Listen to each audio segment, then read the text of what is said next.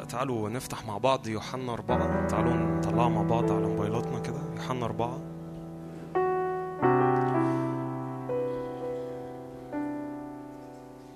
عدد 23 و 24 ممكن آه، نقراهم مع بعض. فاكرين حديث الرب مع السامرية؟ فاكرين الحديث ده؟ دار ما بينهم حديث حلو كده و- وحديث طويل واتكلموا عن مية واتكلموا عن حاجات حلوة قوي. إحنا هنتكلم في حاجة تانية خالص في العددين دول. إيماني الشخصي إنه آه، وأنت بتقرأ ال- العددين دول وأنت بتقرأ العددين دول الإعلان ده ينور قدام عينيك وعينيكي وتدخل بيه وقت العبادة وأنت فاهم أنت بتعمل إيه. لأنه أوقات العبادة مش مش أوقات أنت فيها بتتبسط بحضور ربنا وبتمشي. وخلص الموضوع أو حاجات بتستقبل فيها وبتروح لأوقات العبادة أنت بتتقابل مع الرب شخصيا. فلما بتتقابل مع الرب شخصيا فلازم تحصل حاجة. ده إيماني الشخصي كل اللي اتقابل مع يسوع واللي اتخبط في حضور يسوع اتغير و- و- وفي حاجة عنده اتغيرت واتشكلت. فده إيماني إنه ده مش وقت ضايع ولا متعودين نقول ترانيم حلوة ونتبسط ونتشجع ونمشي لكن ده وقت إحنا نتقابل فيه مع الرب بجد. أمين؟ أمين. تعالوا نقرأ مع بعض عدد 23 و 24 يسوع قال كده ولكن تأتي ساعة وهي الآن حين الساجدون الحقيقيون يسجدون للآب بالروح والحق لأن الآب طالب مثل هؤلاء الساجدين له. عدد 24 الله روح والذين يسجدون له فبالروح والحق ينبغي أن يسجدوا. ممكن نقراها تاني أستأذنكم كده و- ونركز فيها تاني. ولكن تأتي ساعة وهي الآن حين الساجدون الحقيقيون يسجدون للآب بالروح والحق. لأن الآب طالب مثل هؤلاء الساجدين له. الله روح والذين يسجدون له فبالروح والحق ينبغي أن يسجدوا. هسألكم سؤال وأحب أن أنتوا تردوا عليا. في العددين دول إيه هو مطلب الآب؟ حد خد باله؟ إيه مطلب الآب؟ هل مطلب الآب عبادة؟ تسبيح؟ إيه رأيكم؟ ساجدين وعابدين زي ما أنتوا بتقولوا بس أنا عايز أقول لكم على مفاجأة في الحتة دي لما يسوع قالها آه، اتقالت في الفان دايك كده لكن لما تيجي ترجع لها في الأصل بتاعها بقى اليوناني تكتشف إن يسوع قال للمرأة السامرية ركز كده. قال لها أنا عايز عاشقين. هو ده اللي قاله لها. قال لها الآب طالب عاشقين. عارفين يعني إيه عاشقين؟ عارفين لما كم حد هنا مرتبط؟ أشوف بس ايادي كده. كم حد هنا مرتبط أو خاطب أو متجوز؟ اتنين بس؟ ثلاثة يعني ربنا يسهل على الكل في اسم يسوع يعني. لو جيتوا سألتوا أي حد كده في بداية العلاقة دي هيجي يقول لك إحنا نقعد نغرق بعضنا حب وفي وسط الرحلة بنقعد نغرق بعضنا حب وبنقعد طول الوقت كله نقعد نعشق في بعض. أقول لكم على سر يسوع بقى بيدور على ده إنك تبقى هيمان فيه وهو يهيم فيك إنك تيجي تنام على صدره وهو كمان يرتاح فيك. فهي دي أوقات العبادة اللي يسوع بيدور عليها مش إنه تيجي تقف قدامه يا رب أنا بستقبل على قلبك وأروح هو ده كويس أنا مش ضده. بس الأروع من كده بقى إنك تبقى هيمان في العلاقة معاه. هقول حاجة وسامحوني وأنا عارفكم هتسامحوني لأن أنتوا بتحبوني أنا عارف. ببساطة جدا ببساطة جدا اتحولت العلاقة بدل ما هي هيمنة في حب الرب وإنك تدوب فيه وتدوب فيه لعلاقة المصلحة. فبقيت بنيجي قدامه بنقف قدامه علشان ناخد ونروح. إحنا عايزين مسحة إحنا عايزين نتشفي عايزين نبقى كويسين عايزين نبقى بنعمل. و- و- وما بقيناش نيجي ناحية القصد إنه بيدور على ناس تبقى هيمنة في حبه فيكشف لهم أسرار قلبه. حد فاكر كان مين بيقعد في حضن يسوع؟ فاكرين؟ مين؟ يوحنا. مين اللي كتب سفر الرؤيا؟ مين اللي قال إيه اللي هيحصل في الأيام الأخيرة؟ مين اللي أعلن ليه الأسرار؟ يوحنا. لأنه كان قاعد في حضنه في منطقة الحب والدفى ده ايماني الشخصي قبل ما نبدأ وقت العبادة يسوع عايزك ترتاح. حد يقول أمين. عايزك ترتاحي في حبه ترتاح في حضنه. في عبرانيين 4 11 يقول لك كده فلنجتهد أن ندخل إلى تلك الراحة. فأنا بيبقى عليا دور إني بختار أجوع وأعطش لحضور الرب. فأول ما بيلاقي قلبي جعان وعطشان ليه هو دايركت بيجي. وبيجي أوقات من غير ما أنا أطلبه بس أنا بقى عايزه من قلبي. بس أدي كل الموضوع. حد فاهم حاجة؟ ممكن فاهم حاجة يهز دماغه كده؟ فيسوع بيدور على إيه؟ عاشقين في اوقات العبادة أنت بتقعد تعشق في يسوع ويسوع يعشق فيك وتقعد تقول له بحبك وهو يرد عليك ويقول لك وأنا كمان. وتقعد تدلع فيه وهو يدلع فيكي وتقعد طول الوقت تقعد تحب فيه وهو يحب فيك. فتلاقي نفسك الطلبات اللي انت عايز تدخل تقولها له انت أصلا ما لقيتش وقت تقولها. اسمع دي كويس قوي. تلذذ بالرب فيعمل إيه؟ حد عارف؟ فتلاقي كل اللي انت عايز تدخل تقوله انت ما لحقتش تقوله. بس ببساطة لأنه حضوره مدوبك فيجي يقول لك يا, يا مولر أنا عارفك أنت عايز إيه؟ اللي أنت كنت بتفكر فيه أنا خلصته لك على فكرة مش محتاج تصليه أصل أنا عارفه. يسوع بيعمل كده ولا لأ. لكن ندخل قدامه ونرمي طلبات ونروح مش دي العلاقة اللي يسوع عايزها. ولا إن إحنا نيجي نقول ترنيم حلوة ونروح ما عنده في السماء جميل قوي هو مش محتاج ده. لكن هو بيدور على ناس في حبه. هللويا! كم حد في وقت العبادة اللي جاي كده يختار إنه يضيف في حبه ويكرمه ويحب فيه ويشاور عليه ويقعد يقول له حاصرني فيك حاصرني فيك أنا مش عايز حاجة غير كده. شباب أنا عايز أقول لكم حاجة قبل ما نبدأ. من الآخر كده الأزمنة اللي جاية كلها لو أنت مش محصور في حب الرب هتفضل تلف وتدور. بس. حد فاهم حاجة؟ لو أنت مش محصور في حبه مش محصورة في حبه هنفضل نلف وندور حوالين حاجات تانية. لكن طول ما أنت بتلف وتدور حوالين حبه وحوالين حضنه كل اللي انت عايز تمتلكه هيحصل لوحده وهيجي كده. آمين؟ ممكن نقف مع بعض نبدأ الوقت.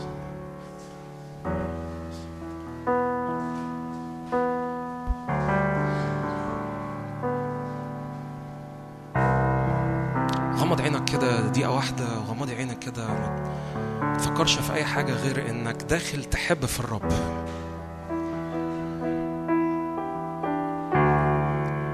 بابا السماوي أنا أسألك هيمنة من حضورك علينا الوقت ده. بابا السماوي أسألك هيمن علينا بحبك وبأحضانك وبقبولاتك علينا الوقت ده.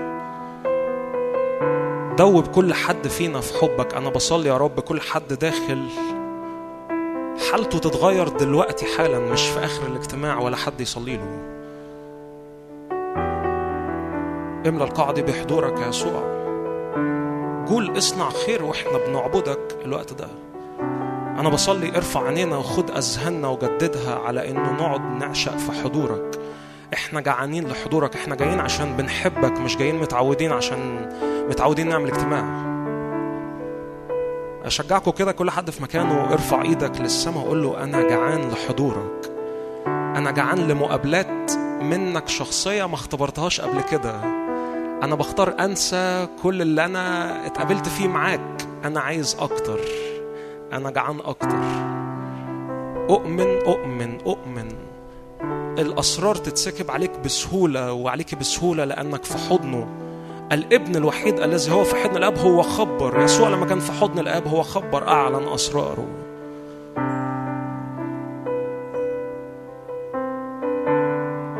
اعلن كده أنا بدخل إلى تلك الراحة أنا بدخل قدس الأقداس. مرحب بيا ليا نعمة ليا جرأة ليا قبول في هذا المكان دايما. انسى أي حاجة داخل منها خالص اركنها على جنب كده قول له حاصرني بحضورك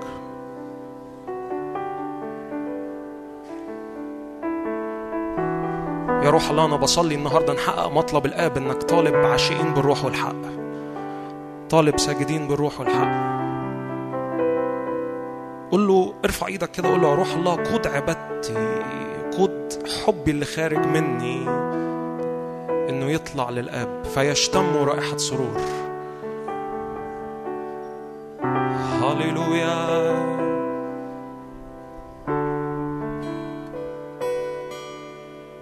ادخلوا لقدس الأقداس ادخلوا بدم الحمام. ادخلوا لأعبدك.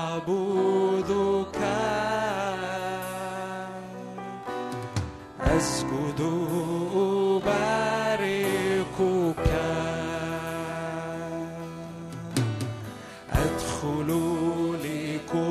لقدس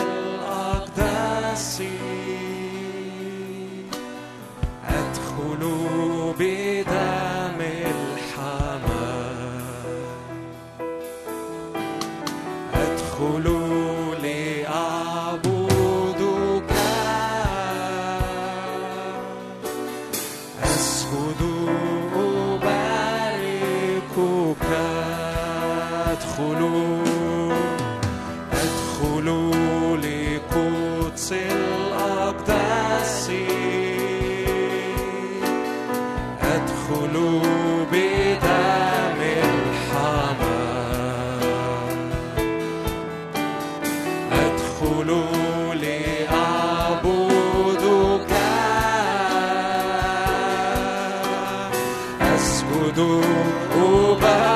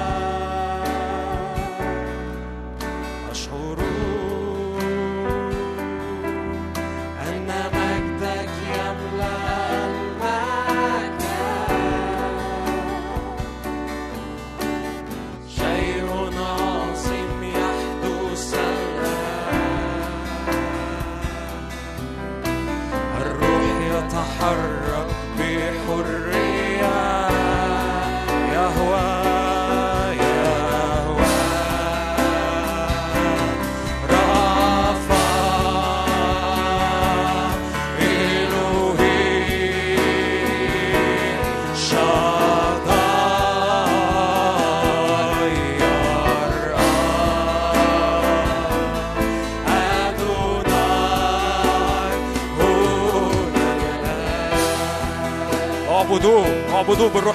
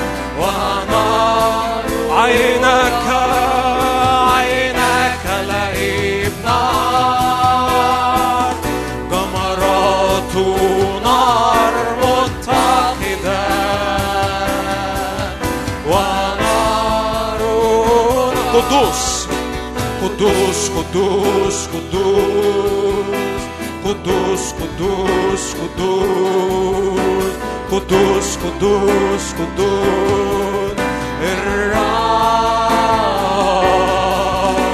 قدوس قدوس قدوس أنت قدوس قدوس قدوس قدوس ارفع إيدك واعلن عينا الرب لهيب نار عين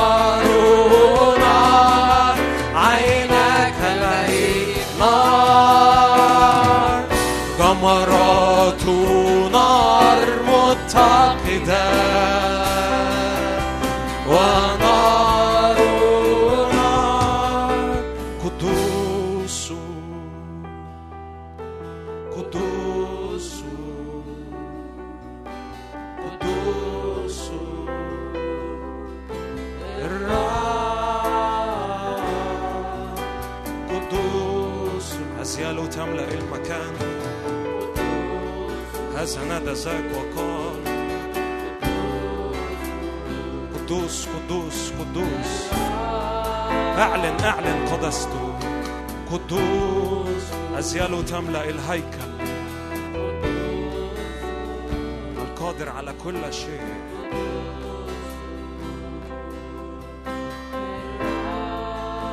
قدوس قدوس قدوس قدوس املى الكل بقدستك يا قدوس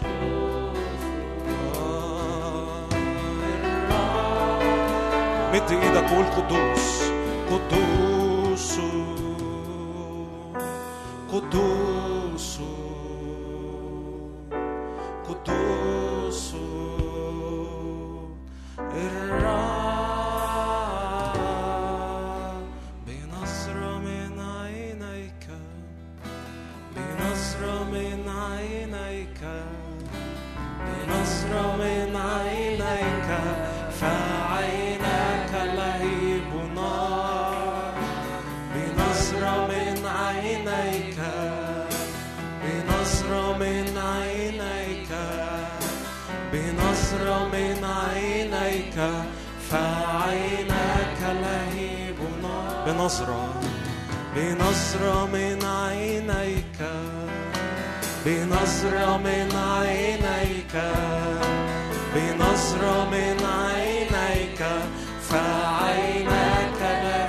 حط إيدك على قلبك قول له الهب قلبي.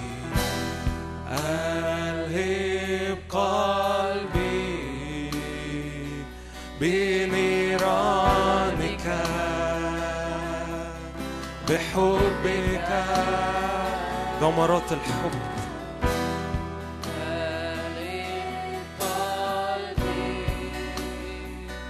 بنيرانك. بحبك الهب قلبي.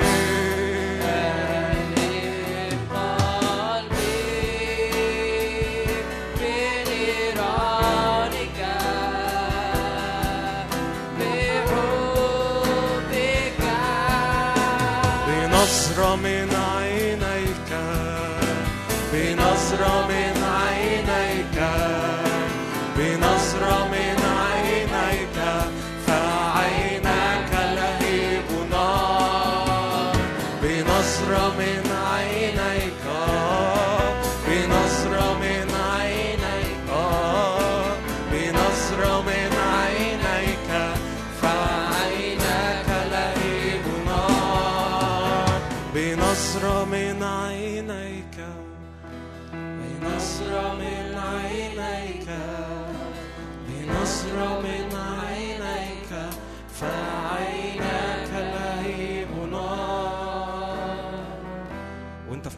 كده ارفع إيدك ارفع إيدك. اؤمن روح الله يعلن لينا عيون يسوع. يا روح الله افتح العيون هنا فتبصر. في ناس هنا وسطينا وهي بتسبح التسبيحة دي بتقعد تفكر هو أنا معقولة ينفع أشوف عينيه؟ أصل أنا خايف أشوف عينيه.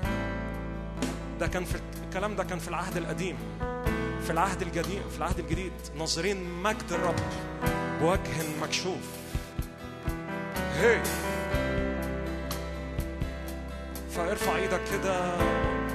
روح الله يفتح عينيك. فتبصر جمال عينين يسوع. أول ما عينيك بتقع في عينيه هتلاقي نفسك بتتسبي في حضوره لوحدك. عينين يسوع مليانة رحمة مليانة محبة مليانة نعمة. مملوء نعمة وحق.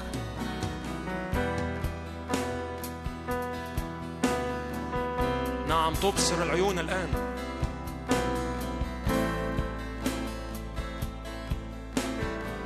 أول ما هتشوف عينين يسوع هتلاقي نفسك بتصلي.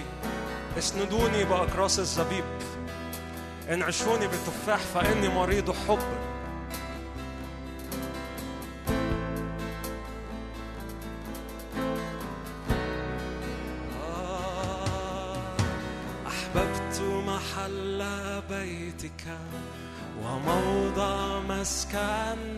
مجدك أدخلني للحجال أنت وهو بس أنت وهو بس. أحببت محل بيتك وموضع مسكن مجدك. أدخلني إلى الحجال فقت كل وصف فقت كل كلمات فقت كل وصف أنت الأبرع جمال. فقت كل وصف.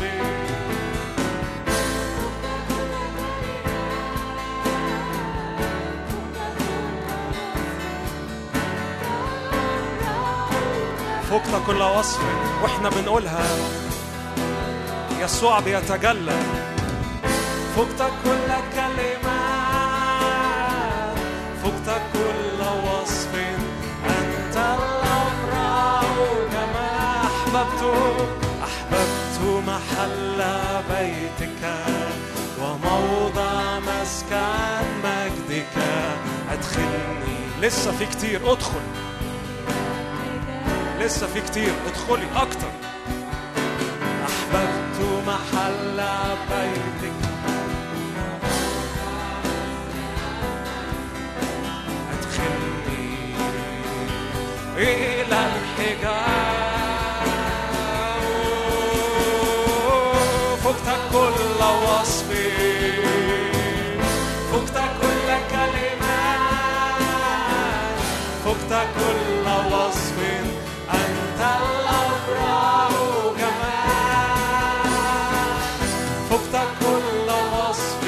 يسوع كل كلمة فقت كل وصف أنت الأبرع جمال لكي أتفرس في جمال وجهك لكي أشبع اعلن من دسم بيتك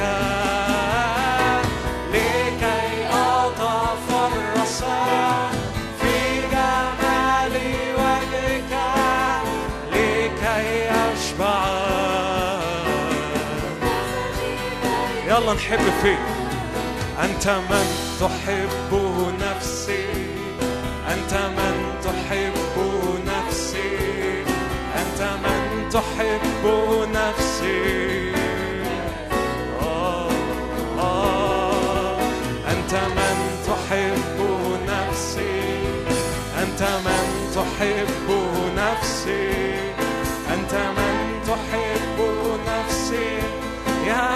يلا ارفع إيدك واعلن لكي اتفرس في جمال الرب. لكي أتفرس.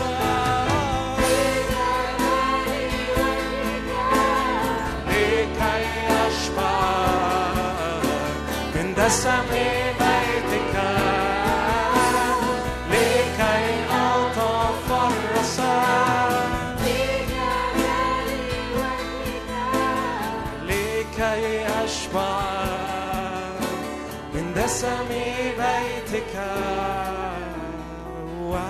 واحدة سألت وإياها ألتمس أن أسكن في بيت الرب إلى مدى الأيام.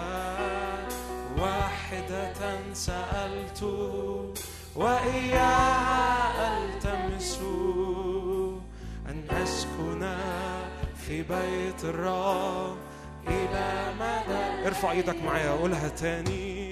واحدة سألت وإياها ألتمس أن أسكن في بيت الرب إلى مدى الأيام لكي أتفرس.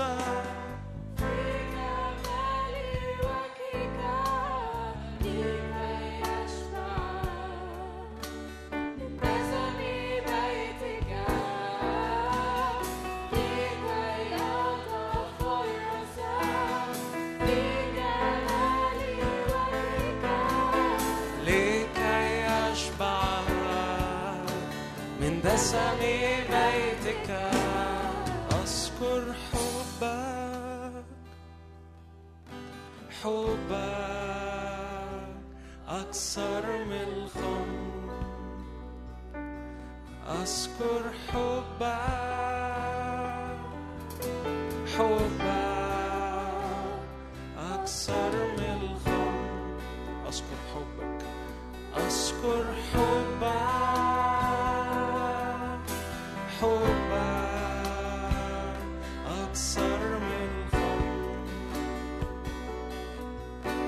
اكذبني وراءك فنجري املأني بخمر روحك. اطلب ده منه هو عايز يعمل ده أكتر. اكسبني وراك فنجري أنا وأنت اسكرني بخمر روحك. اسكرني اكسبني اكسبني وراك فنجري اكفني خمر روحك اسكرني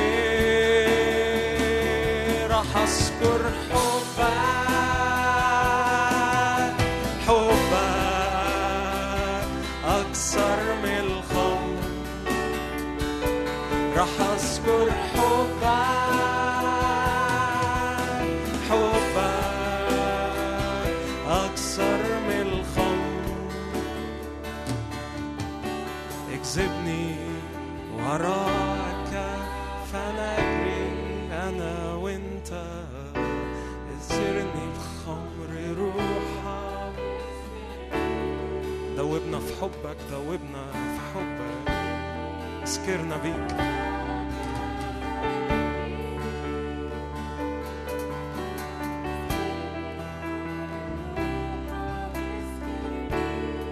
قبل ما نقول العدد الجاي بتاع ادخلني يا ملك لحجالك في الحجال انت وهو بس. في الحجال انت وهو بس. عارفين إيه اللي بيحصل؟ بتستمتع بيه أكتر.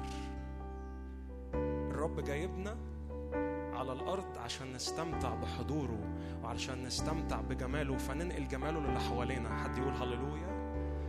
فارفع إيدك كده إحنا جوه الحجال. وطالما انت جوه الحجال فتوقع اي حاجة تحصل من يسوع. اؤمن يسوع يعدي عليك بأحضان وقبلات مختلفة غير اللي انت متعود عليها. تعال نرفع ايدينا كده. ندخل أكتر وأكتر. والازمنه اللي جاية عايزه ناس جوه الحتة دي طول الوقت. جوه الحجال عروس النشيد ما كانتش عايزة تخرج منه. لما تلاقي نفسك مش بتدخل الحجال اعرف إنه أنت خرجت من المكان ده بقالك فترة فيسوع عايزك تدخل وتدخلي أكتر. اذكر محبتك الأولى. يسوع بيعدي بياخد ناس في حضنه هنا كتير. فاستقبل منه استقبلي منه.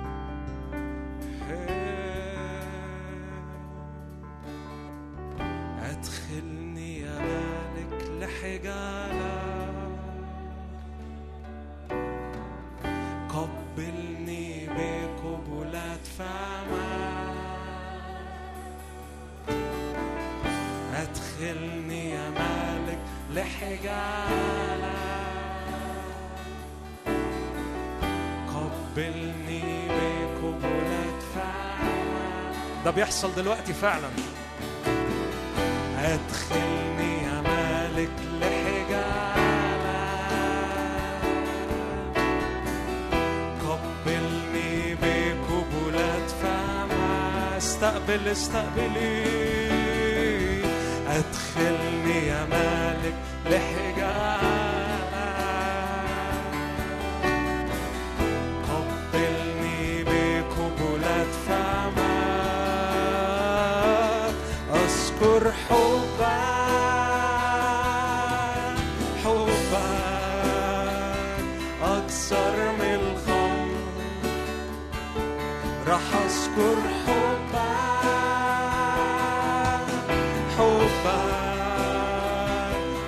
أكثر من الخمر نعم اكذبنا طول الوقت يا يسوع.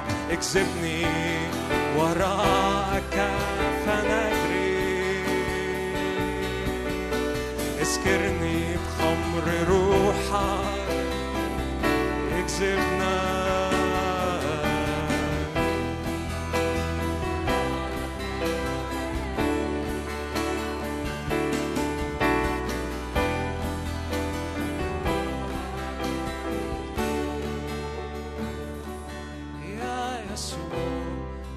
بتغني أغنية عليا أغنية محبة فرح وسلام. يا يسوع أنت بتغني أغنية عليا أغنية محبة فرح وسلام. أيوه ده اللي بيحصل دلوقتي. يا بتغني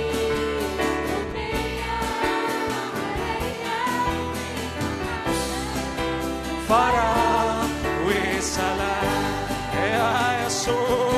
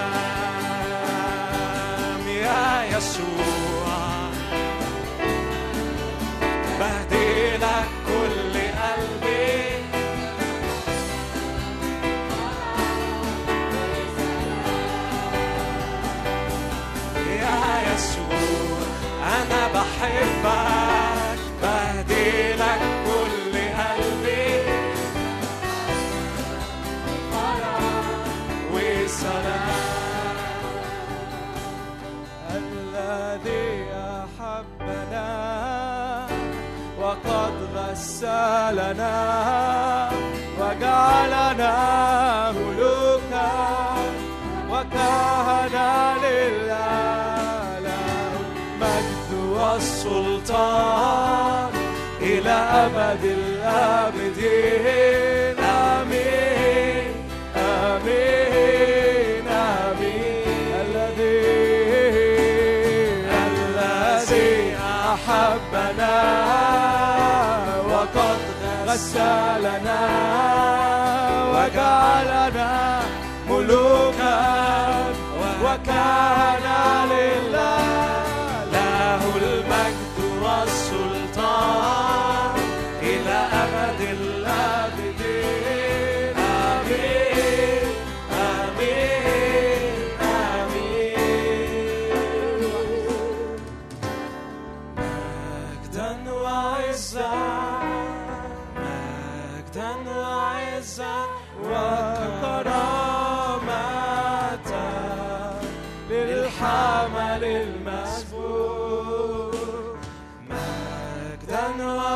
خرج كرامة خرج مجد. هللويا هللويا. اعبد الرب ده وقت تعبد الرب ده وقت تقدم ذبيحة حية قدام الرب. هللويا. مجدا وعزا. مجدا وعزا للحمل. هو وحده مستحق أن يأخذ الكرامة والمجد والغنى. هللويا. ليس آخر. هللويا. الذي أحبنا وقد غسلنا وجعلنا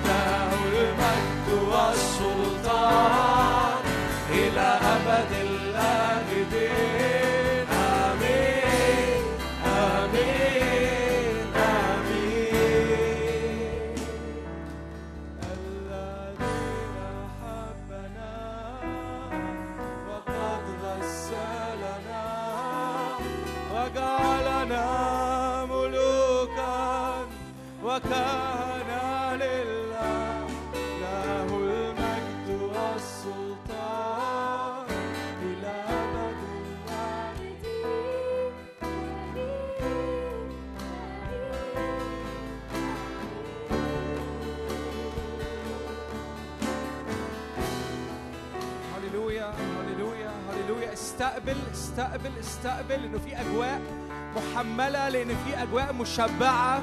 هللويا لأنه قلب الرب مسكوب في وسطينا. هللويا استقبل استقبل استقبل استقبل. ده وقت غالي قوي قدام الرب. ده وقت تشبع ده وقت تأكل ده وقت تنجذب أكتر. هللويا ده وقت تتحب فيه. هللويا ما تبصش على حد حواليك. هللويا هللويا. ده وقت عرس ده وقت الرب بيفرح بيك.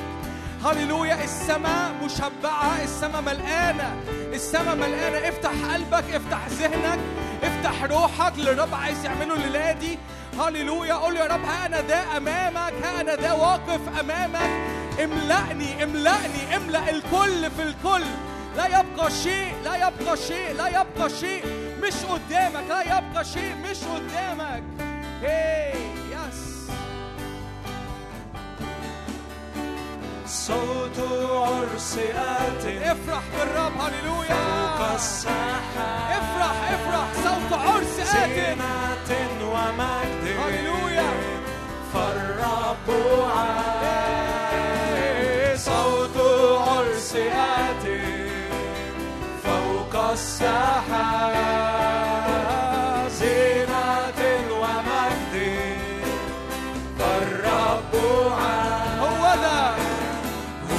سيخرج من حجلته مثل الجبار. نقفز كفرس في حضرته نلبس الماء. هو سيخرج من حجلته مثل الجبار. نقفز كفرس في حضرته نلبس الماء. صوت الرب أرعى فوق المياه مجد الرب يملأ يخلق حياة. استقبل حياة الرب استقبل استقبل. هللويا. فوق المياه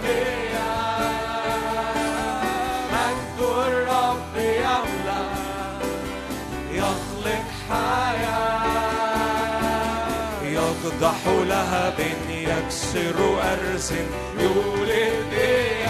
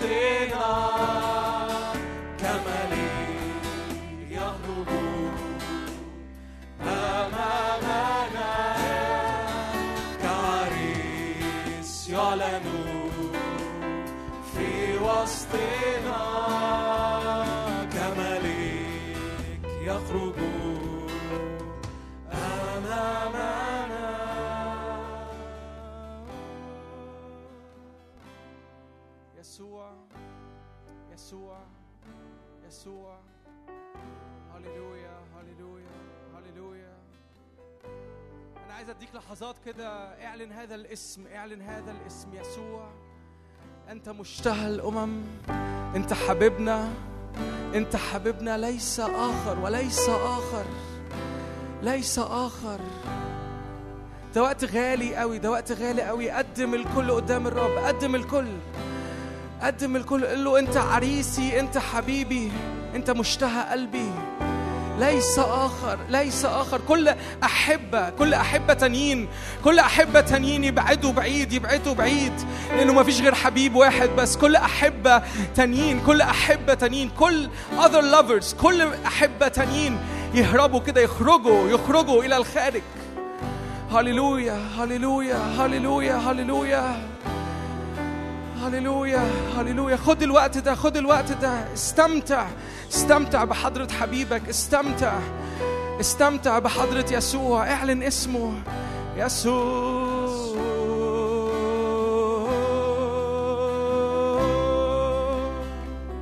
يسوع.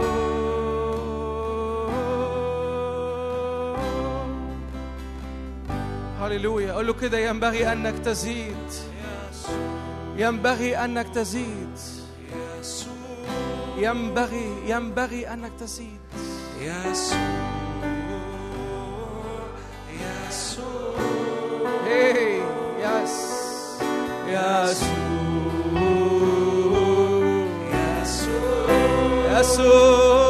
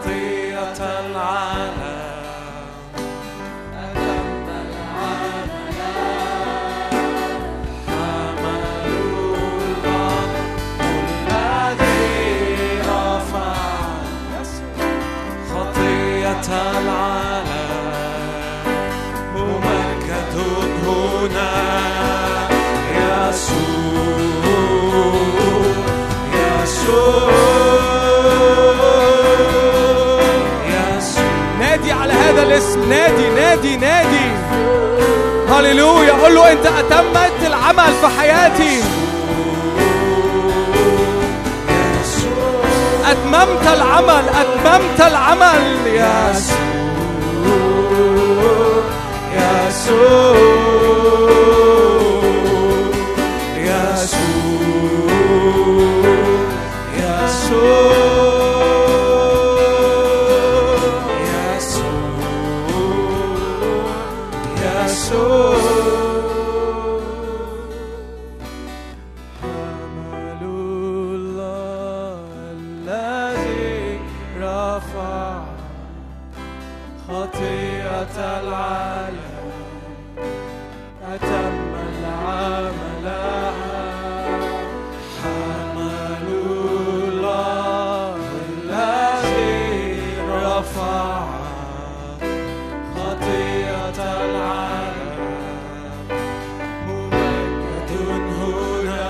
حمل الله. حمل الله. الذي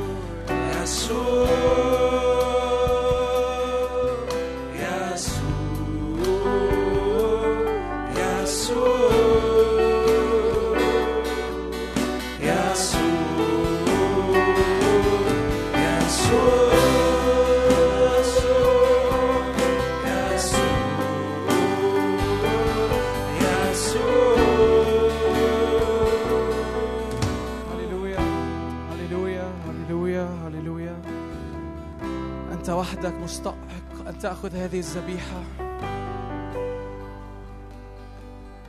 يا رب سألين النهاردة تنسكب نار على هذه الذبيحة.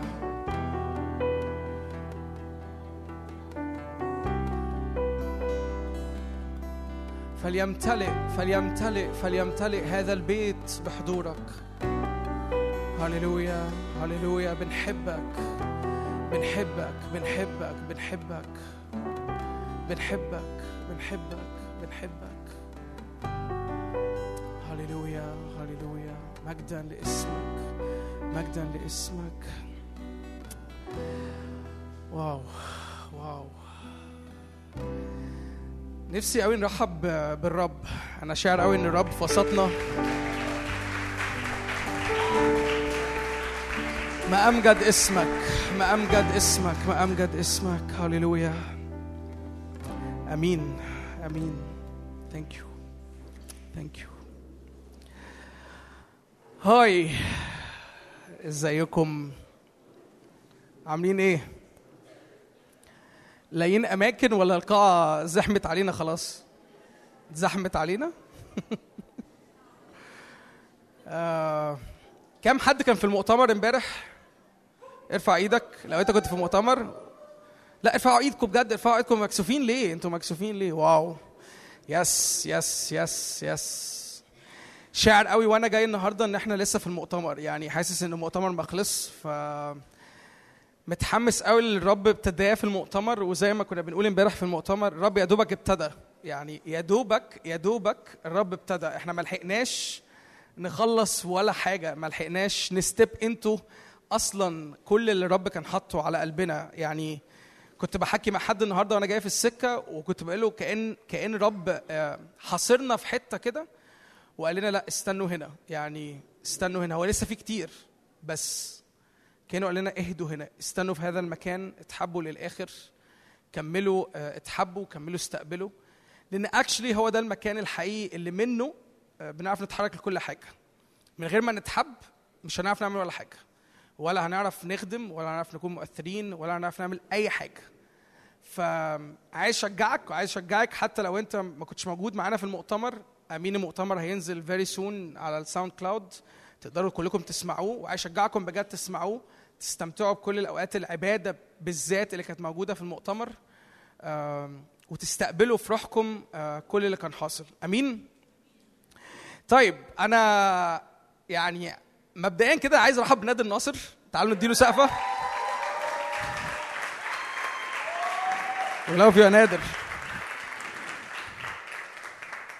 نفسي كمان نرحب بأسيس هاني. أسيس بليز تعال. آه، أسيس هاني آه، ليه إرث كبير في خدمة الحياة الجديدة.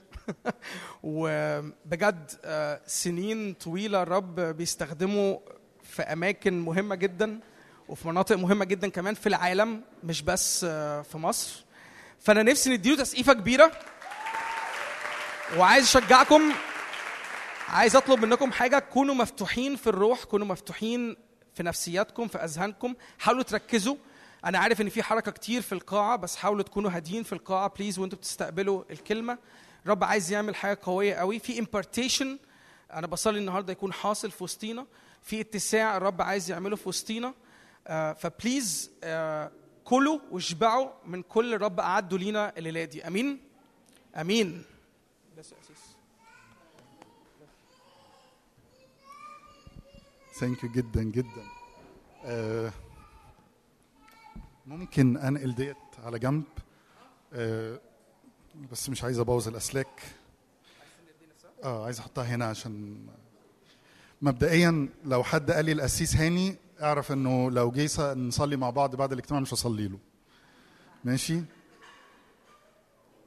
أنا ما زلت هاني. ال function بتاعي قسيس لكن أنا اسمي هاني. فما تجيش تقول لي قسيس هاني please الحاجة التانية عايز أشكر آه، سامر جدا جدا والخدام اللي هنا إن ادوني فرصة زي كده. أنا بعشق جدا إن أنا أكون موجود وسطيكم. ال spirit اللي بتبقى موجودة وسط الشباب مختلفة. ف thank you سامر على الدعوة الجميلة ديت. thank you نادر. أنا سيبته شغله.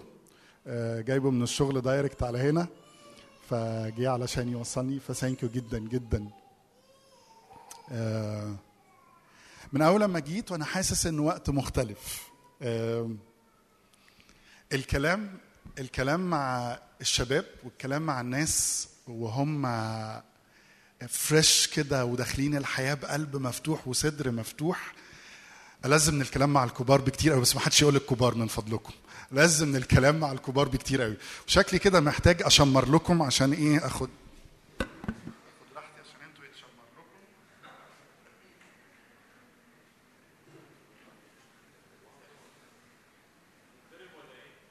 لا اخد راحتي بقى مع الكبار لازم ابقى فارد الكم وكده وبتاع و- ممكن بقى شوية تلاقوني قلعت الجيليه و... ممكن واحد من دول يدخل إن أحس إن هوا بيضربني من هنا هوا بيضربني من هنا بيبقى مختلف الكلام معاكم لأن أنتم ما عندكمش حسابات كتير قوي زي ما لما بتكبر في السن وبتخش في مسؤوليات أكتر بتخش في حسابات أكتر.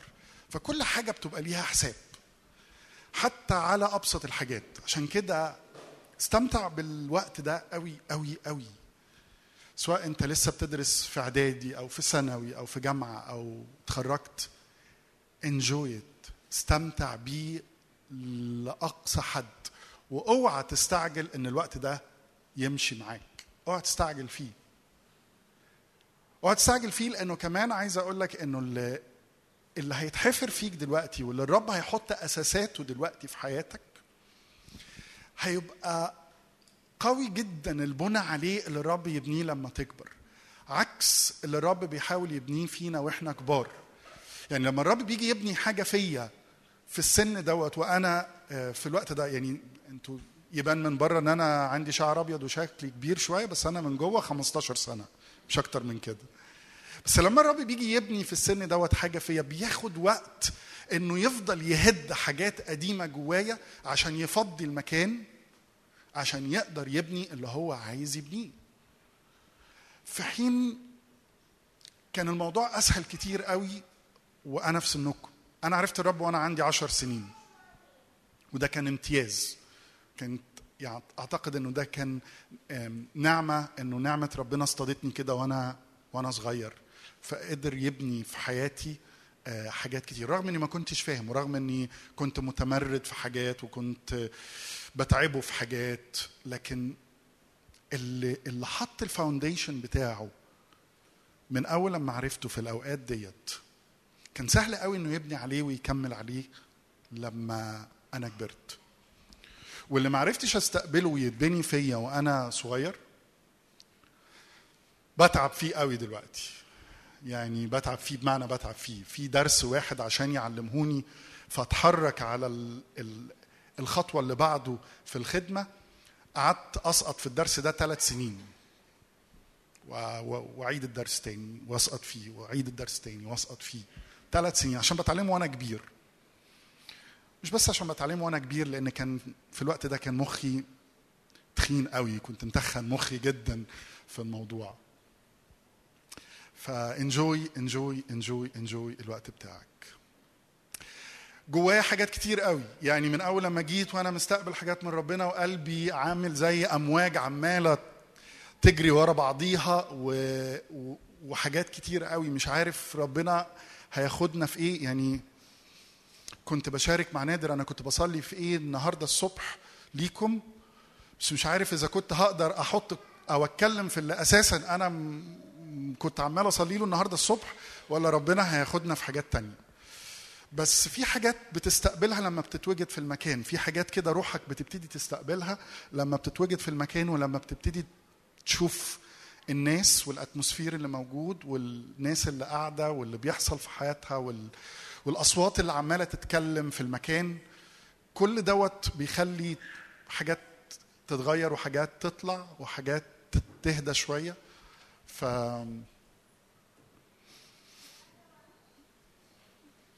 عايز أعمل شوية حاجات النهارده خلال الوقت وإحنا بنتكلم فما ما تستغربوش لو طلبت منكم حاجة. حد عنده مشكلة إنه يبقى عيل النهارده؟ طب حد عنده مشكلة يتجنن النهارده؟ هو كلهم عندهم مشكلة ولا حد رفع إيده كلهم عندهم مشكلة يبقوا عيال كلهم عندهم مشكلة إنهم يتجننوا. حد عنده مشكلة يبقى عيل النهارده؟ ماشي. كم واحد بيحلم؟ يعني آه، مسموح لك ترفع إيدك. مسموح لك على فكرة. كم واحد بيحلم؟ كم واحد بيحلم وهو نايم؟ سهلتها أهو. كم واحد بيحلم وهو نايم؟ لا ارفع إيدك يعني أنا عايز أشوفك لأنه ده أنا عايز أعرف حاجة. كويس عندنا عدد لا بأس بيه بيحلم وهو نايم. كم واحد بيحلم وهو صاحي؟ إيه؟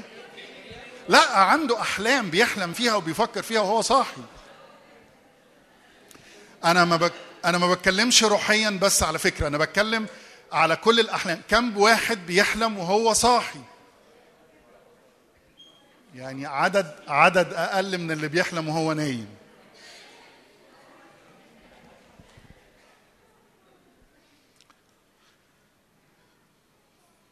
كم واحد بيحلم إنه يبقى خادم؟ تسبيح كلمة كرازه نبوة. كم واحد بيحلم إنه يبقى خادم؟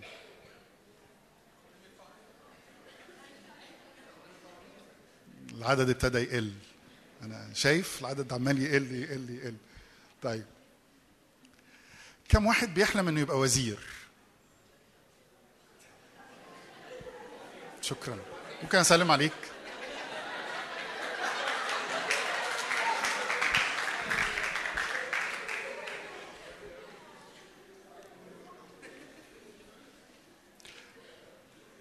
اللي جاية سهلة. كم واحد بيحلم إنه يبقى businessman أو businesswoman يعني. كنت متوقع أكتر من كده على فكرة. الناس دي زاهدة في الحياة. ابنوا لها دير الناس دي زاهدة في الحياة قوي. ابنوا لها دير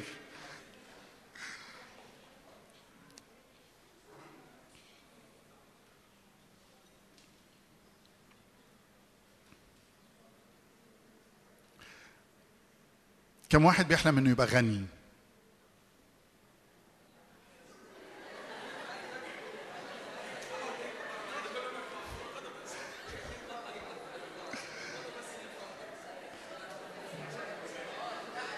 أنا بتكلم جد كم واحد بيحلم إنه يبقى غني؟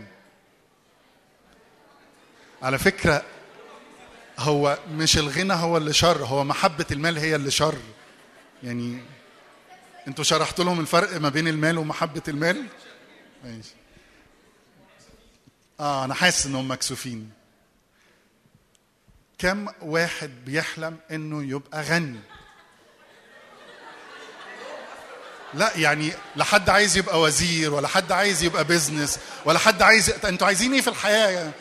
يعني هاتوا لهم سندوتشات وروحوهم يناموا خلاص.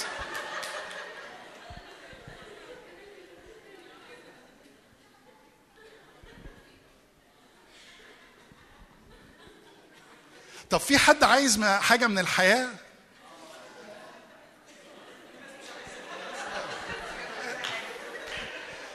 كنت بسمع آه، تيك توك. شفت أنا بسمع تيك توك أهو. كنت بسمع تيك توك. آه كنت بسمع تيك توك. مش عارف يمكن بعضكم سمعتوه. واحد بيقول إيه يعني أنا لا عارف أنجح في الحب ولا عارف أنجح في الجواز ولا عارف في الشغل. طب أكمل بقية حياتي طبق لوبيا ولا إيه بالظبط؟ أنا فأنا بسألكم أنت هتكمل بقية حياتك طبق لوبيا ولا أنت عندك حلم ولا عايز حاجة؟ حد عايز حاجة من حياته يعني ولا إيه؟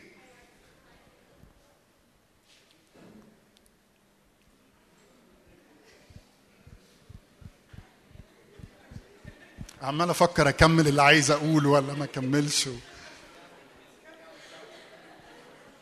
لا لو أنتوا فاكرين ان أنا هاجي هقول لكم نقف مع الرب لنقرأ بعض الآيات من كلمة الله المقدسة وهتعيشوا الجو دوت وبعدين هصلي وأتنبأ عليكم فأعتقد يبقى المسج وصلت غلط. أنا جاي بحاجه على قلب ربنا جدا بس لازم نعيشها بشكل مختلف. واحدة من أكتر الحاجات اللي بتحارب الحركة الروحية في العالم كله في الوقت دوت هو روح التدين. إنك تاخد أمور الله وتلبسها شكل لازم يت... في قالب معين تخش جواه وإلا ما تبقاش حاجة روحية. أول لما الحاجة الحقيقية تخش جوه قالب التدين بتموت. الله عايزنا حقيقيين. عشان تكون حقيقي لازم تكون عايش طبيعي وفوق طبيعي. طبيعي لأن هو عايزك في هذه الحياة ليك دور مهم جدا. وفوق طبيعي لأن كل اللي هو بيديه من عطاياه في السماء حتى محبته مش بس المواهب لكن حتى المحبة هي supernatural الفرح اللي بيديه هو supernatural فهو عايزك تكون طبيعي جدا ومؤثر جدا. وفي نفس الوقت بتستقبل كل ما هو فوق طبيعي من السماء. لما رب يسوع قال كده في يوحنا عشرة عشرة أما أنا فقد أتيت لتكون لهم حياة ويكون لهم أفضل. إحنا على طول بنركز على أفضل. أنا أنا جيت عشان يكون لك حياة. أنا جيت علشان يكون لك حياة. ده الأول ده الفاونديشن ده الأساسات. أنا عايز يكون لك حياة. فأنت لو انعزلت عن كل حاجة وما بتحلمش وبطلت تحلم على رأي الحكيم محمد منير لما بيقول لو بطلنا نحلم نموت آه مش جيل محمد منير ده لا لا مش مش جيل محمد منير. لا مش جيل محمد مش جيل محمد منير. آه آه. ما ما بسمعوش فمش عارف أجيب لهم منه. ال foundation إن يكون ليك حياة. ده ال foundation ده الأساس إن يكون ليك حياة. التصنيف بتاعها إنها تكون أفضل أو فياضة مزدهرة. حياة مثمره مزدهرة فياضة. في كل حاجة انت بتعملها. فهو جه علشان انت يكون ليك حياة ده الجزء الطبيعي. انت عايز يكون ليك حياة.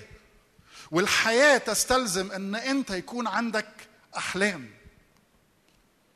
ويكون عندك سؤل في قلبك. والسؤل اللي في قلبك مش دايما لازم يكون بس في الاتجاه الروحي. لأنه عند ربنا بعكس ما إحنا بنتوارث مفاهيم ما يعني ما حدش كان قاصد إنه يحطها جواك لكن بتتحط جوانا بالطبيعة.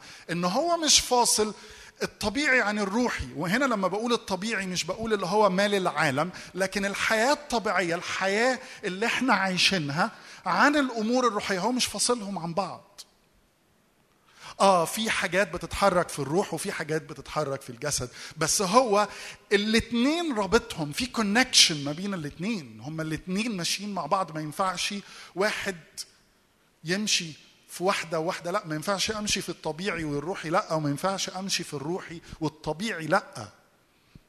عشان أكون إنسان كامل لازم أكون بكبر في الاتنين بمشي في الاتنين.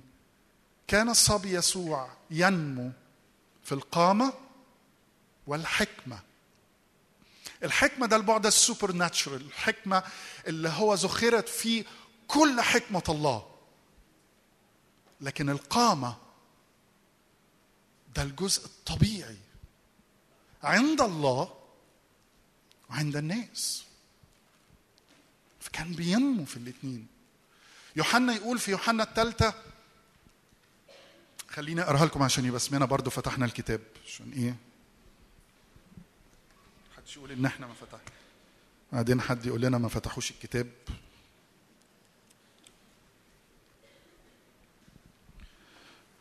رسالة يوحنا الثالثة. عدد واحد واثنين. يقول كده الشيخ إلى غايس الحبيب الذي أنا أحبه بالحق. أيها الحبيب في كل شيء أروم أن تكون ناجحا؟ وصحيحا. كما أن نفسك ناجحة كما أن نفسك ناجحة. أيها الحبيب في كل شيء مش في النص ولا في ربع في كل شيء كل شيء. كل شيء ده يعني يشمل الأمور الروحية؟ لا. كل شيء يعني يشمل الأمور الروحية والطبيعية. في كل شيء أروم أتمنى بصلي بشتاق أن تكون ناجحا وصحيحا ناجحا مزدهرا. بروسبر حياتك ناجحة ومزدهرة. وصحيح يعني عندك نفسية صحيحة جسد صحيح روح صحيحة. كما أن نفسك ناجحة. وصحيح تيجي كمان بمعنى إنك مش منقسم على ذاتك مش متقسم مش متمزع. جزء هنا وجزء هنا وجزء هنا. طب أحلم أحلام طبيعية ولا أحلم أحلام روحية؟ ينفع أحلم الاثنين ينفع أكون ناجح في الاثنين ينفع يكون عندي حياة فياضة ومزدهرة في الاثنين لأن دي مشيئة أبويا. عارفين ليه إحنا عمالين نصلي ونحارب؟ إنه الكنيسة ترجع تاخد مكانها تاني الأيام ديت؟ بسبب غلطة كبيرة قوي غلطوها الأجيال اللي قبلينا. لما زاد قوي التعليم بتاع الانفصال ما بين الأمور الطبيعية والأمور الروحية فكل المؤمنين ركزوا في الأمور الروحية وانحصروا جوه الكنيسة وجوه اجتماعاتهم. وكل كانت أحلامه روحية بس which is رائع لأن الرب عايز قلوبنا دايما مشتاقة وبتحلم بأمور روحية ويبقى عندنا أشواق وأحلام الرب عايز يتشارك فينا. هو مش دايما بس هو عايز يدينا أحلامه لأن هو عايز يدينا أحلامه. لكن كمان لما بيبقى شايف قلوبنا بتحبه ومغموسة في ملكوته فأحلامنا كمان بتبقى جزء من اللي هو عايز يتشارك فيها معانا. إحنا مش باسيف يعني إحنا مش مجرد أشخاص آه، آه، ربنا هو اللي هيحلم وربنا هو اللي هيتكلم. هو مش بيدور على دعوة بيدور على شراكات.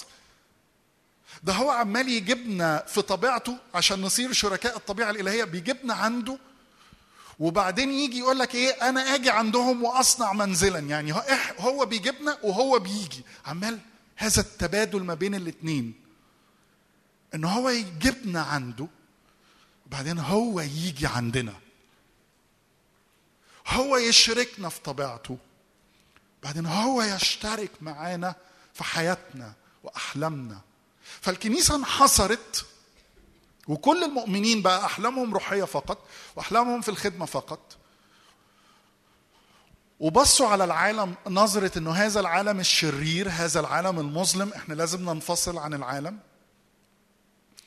فبعدوا عن العالم. مين لما الملعب بقى فاضي مين حط ايديه على العالم؟ مين بقى مسيطر على توجهات السياسة في العالم؟ مين؟ مين بقى مسيطر على توجهات التعليم في العالم؟ تسمعوا عن التعليم أخباره إيه والمناهج بيدخلوا فيها إيه دلوقتي؟ وإيه التوجهات بتاعت التعليم؟ مين اللي حط إيديه عليها؟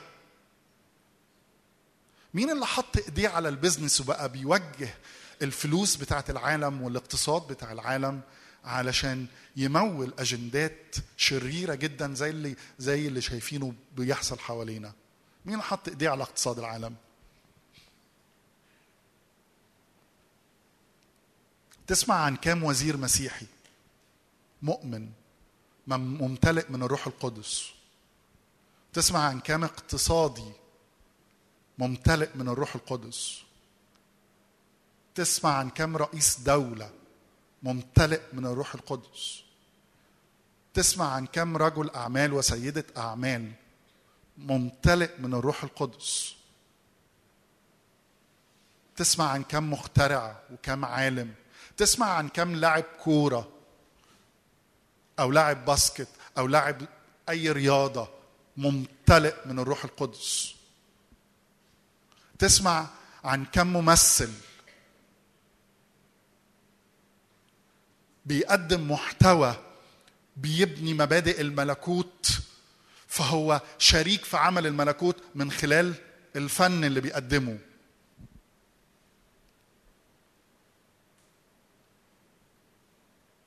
فبيقدم محتوى.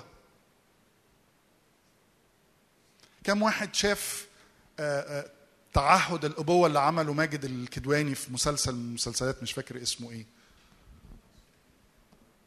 كم واحد شاف تعهد الأبوة اللي عمله؟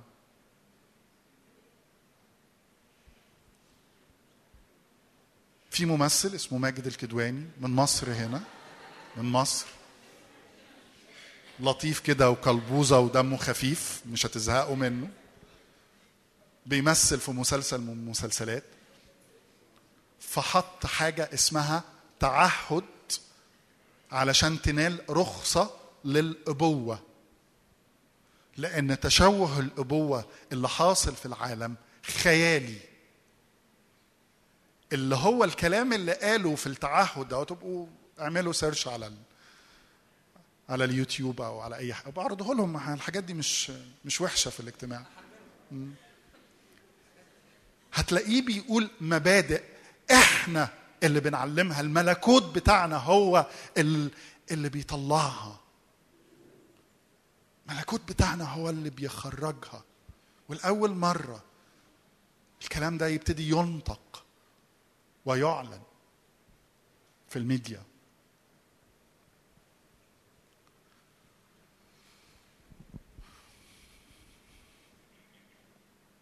لازم تحلم لازم تحلمي.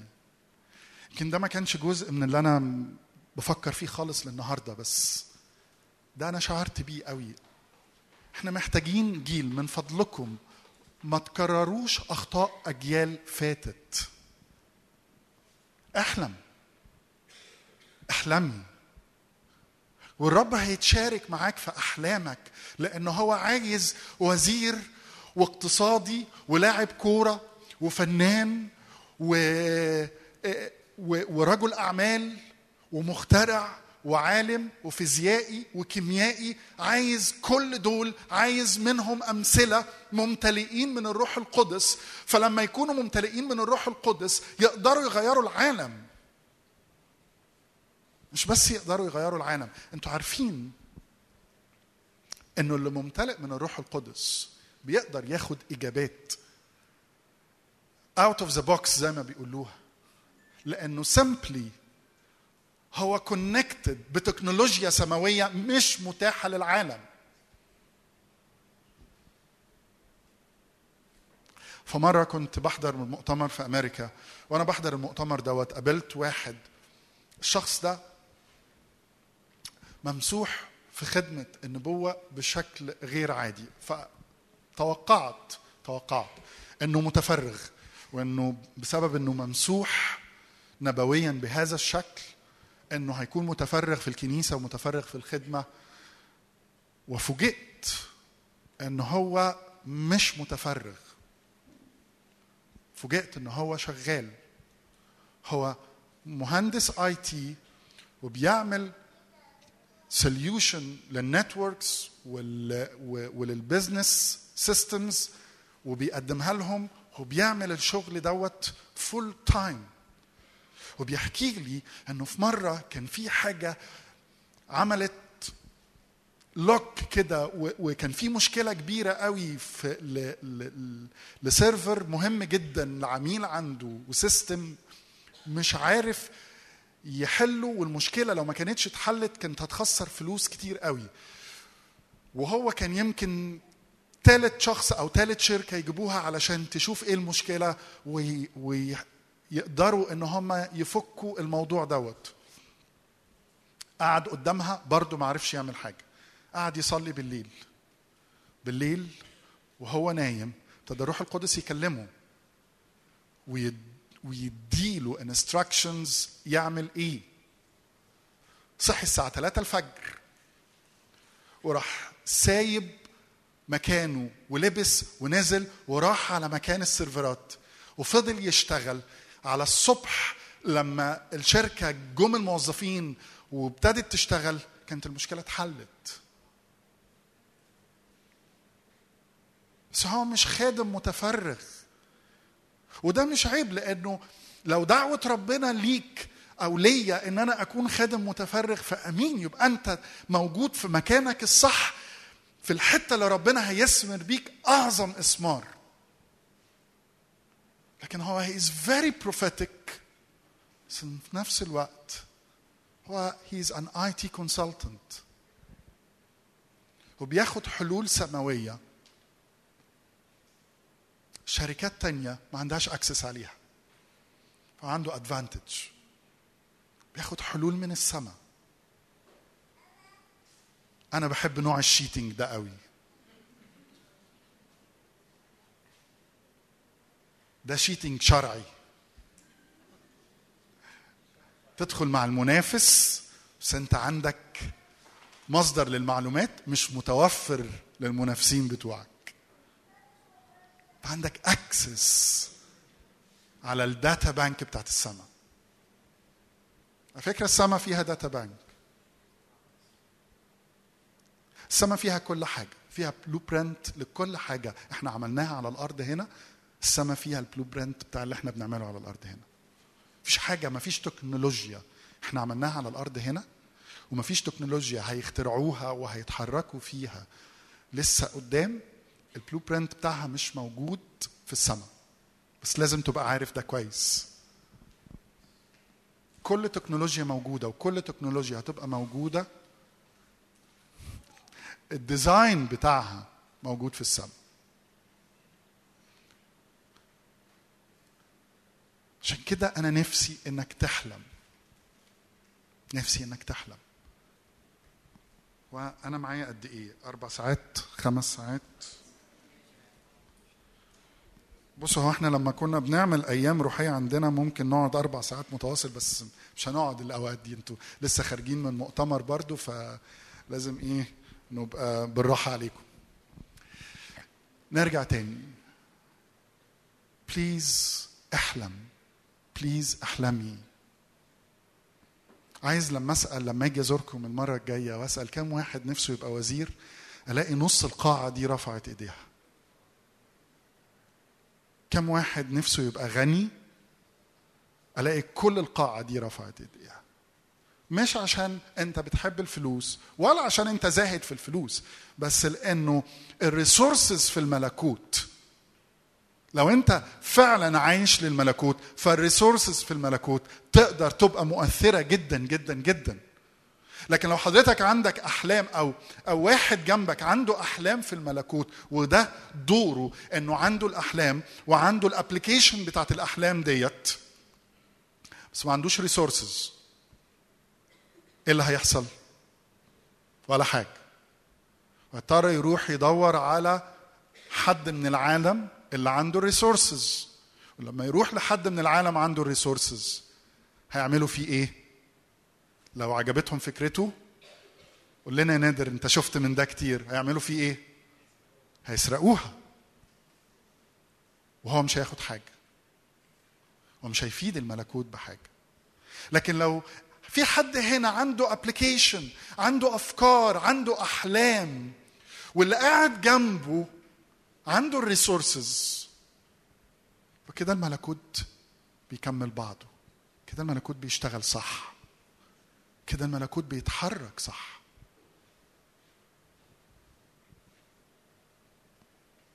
لازم يكون جواك فهم إنه الملكوت مش أمور روحية فقط. أنتوا عارفين إنه الكتاب بيقول إنه هيجي وقت وهنسمع كلنا بوق في السماء. وملاك بيقول قد صارت جميع ممالك الأرض لربنا ومسيحه فسيملك إلى الأبد. مش بيتكلم على السماء مش بيتكلم على السماء. بيتكلم على الأرض. قد صارت جميع ممالك الأرض لربنا ومسيحه فسيملك إلى الأبد. الملكوت هيبقى اكتمل وساد على كل ممالك الأرض. ولما كل حاجة تكمل يقول لك إيه؟ إنه ورأيت المدينة التي لها الأساسات نازلة من السماء أورشليم السماوية. ويقول وقد صار مسكن الله مع الناس. إحنا بنتجاهل الأرض. هو ما بيتجاهلش الأرض. هو ما بيتجاهلش الأرض. عشان كده هو بيدور على اللي عايز يشتغل في الملكوت. على البعد الطبيعي وعلى البعد الروحي الاثنين بيدور على اللي عايز يشتغل في الملكوت. عشان يبقى في ناس بتشتغل وفي اقتصاد بيتحرك للملكوت. وفي سياسة بتتحرك للملكوت. وفي فن بيقدم مبادئ الملكوت. وفي رياضة بتعلن أخلاق الملكوت في الرياضة. واحدة من الحاجات اللي كنت بتلمس بيها الناس في الكنيسة عندي إني كنت دايما بشجعهم وأخدهم نلعب كورة سوا. فاللي بيقيم دعوة ماتشات الكورة هو أنا. فيقولوا لي يعني إيه فكرة إن إحنا نلعب كورة؟ ما إحنا كان بيجي لي خدام جمال كده ولطاف في الكنيسة. يقولوا لي ما نقضي وقت الكورة ده في حاجة أفيد. كنت بقول لهم أنتوا ما تعرفوش قد إيه وقت ماتشات الكورة ده وقت مفيد جدا. عايز تتلمذ الناس وعايز تشوف هم محتاجين إيه في التلمذة؟ خليهم يلعبوا كورة. كله بيقلع ال masks في الكورة. كله بيقلع ال masks في الكورة. مفيش حد بيلبس ال mask بتاعه في الكورة. اللي بيلعب عشان يكسب وال fighter والسلبي واللي مش فارق معاه أي حاجة والأناني واللي بيلعب علشان يرخم على اللي حواليه. كل حاجة بتبان في ماتشات الكورة. فكان عندي مشكلة. طب أعمل إيه مع الستات والبنات علشان أكتشف اللي بكتشفه في الرجالة؟ بتلعبوا كورة؟ دلوقتي بتلعبوا كورة؟ ما كنا بنعمل اكتيفيتي تانية برضو. إيه؟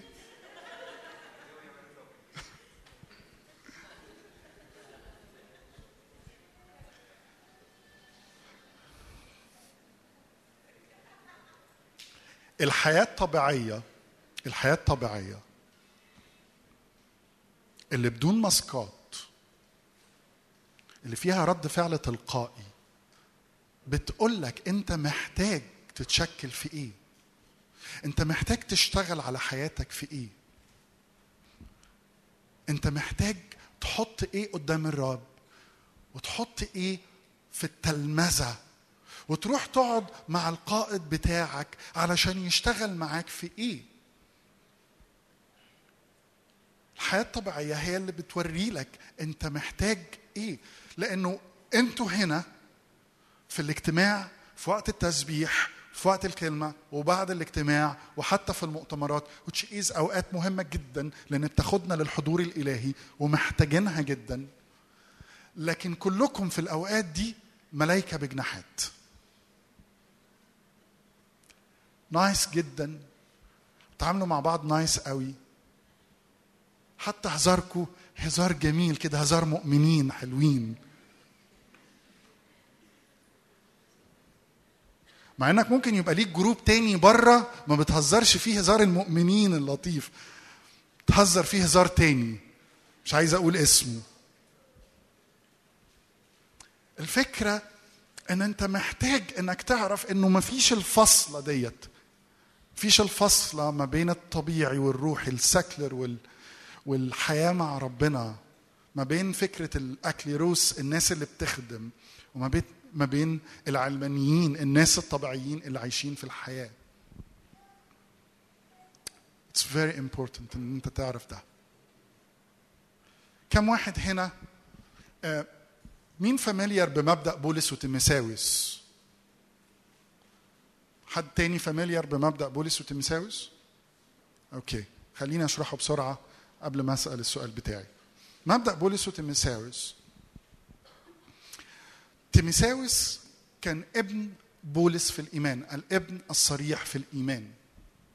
وكان التلميذ بتاعه كان بيتلمذ معاه ومشي معاه سنين طويلة وبعد كده بقى جزء من الفريق الرسولي في الخدمة مع بولس.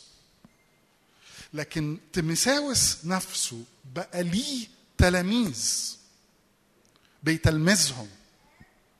فبقى هو بولس ليهم وهم تيمساوس معاه.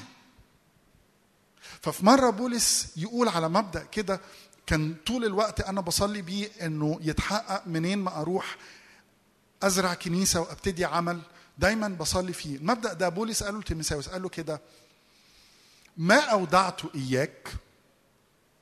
اللي أنا علمته لك واللي أنا سلمته لك واللي أنا تلمستك فيه وشكلتك فيه في شخصيتك شخص في, في الشخصية وفي, وفي الإدراك وفي الروح.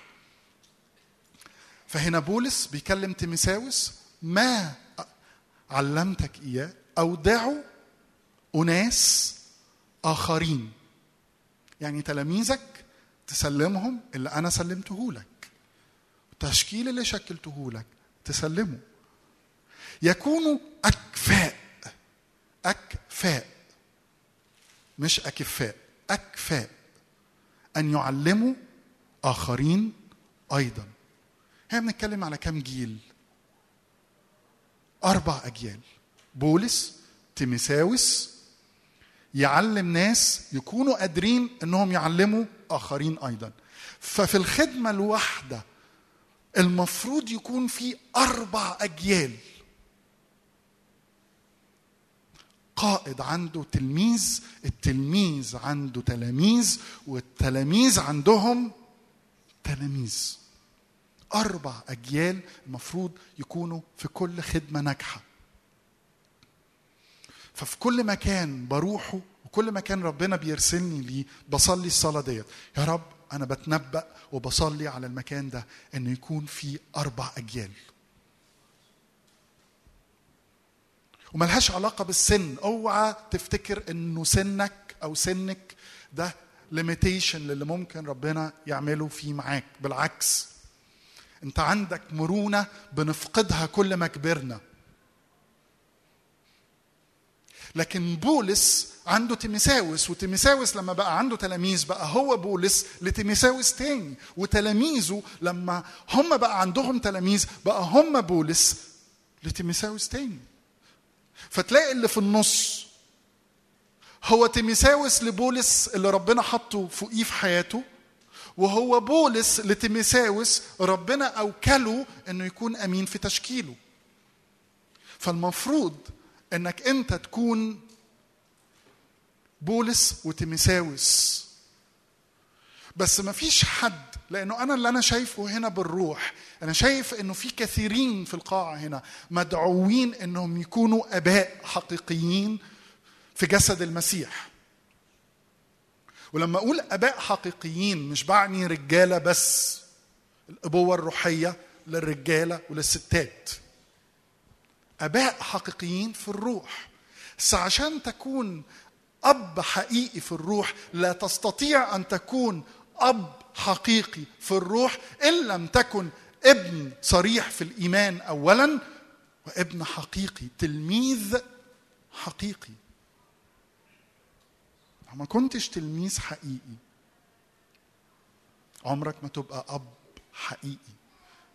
مشكلة العالم المسيحي في الوقت ده واحدة من الأكبر التحديات إنه مليان أيتام.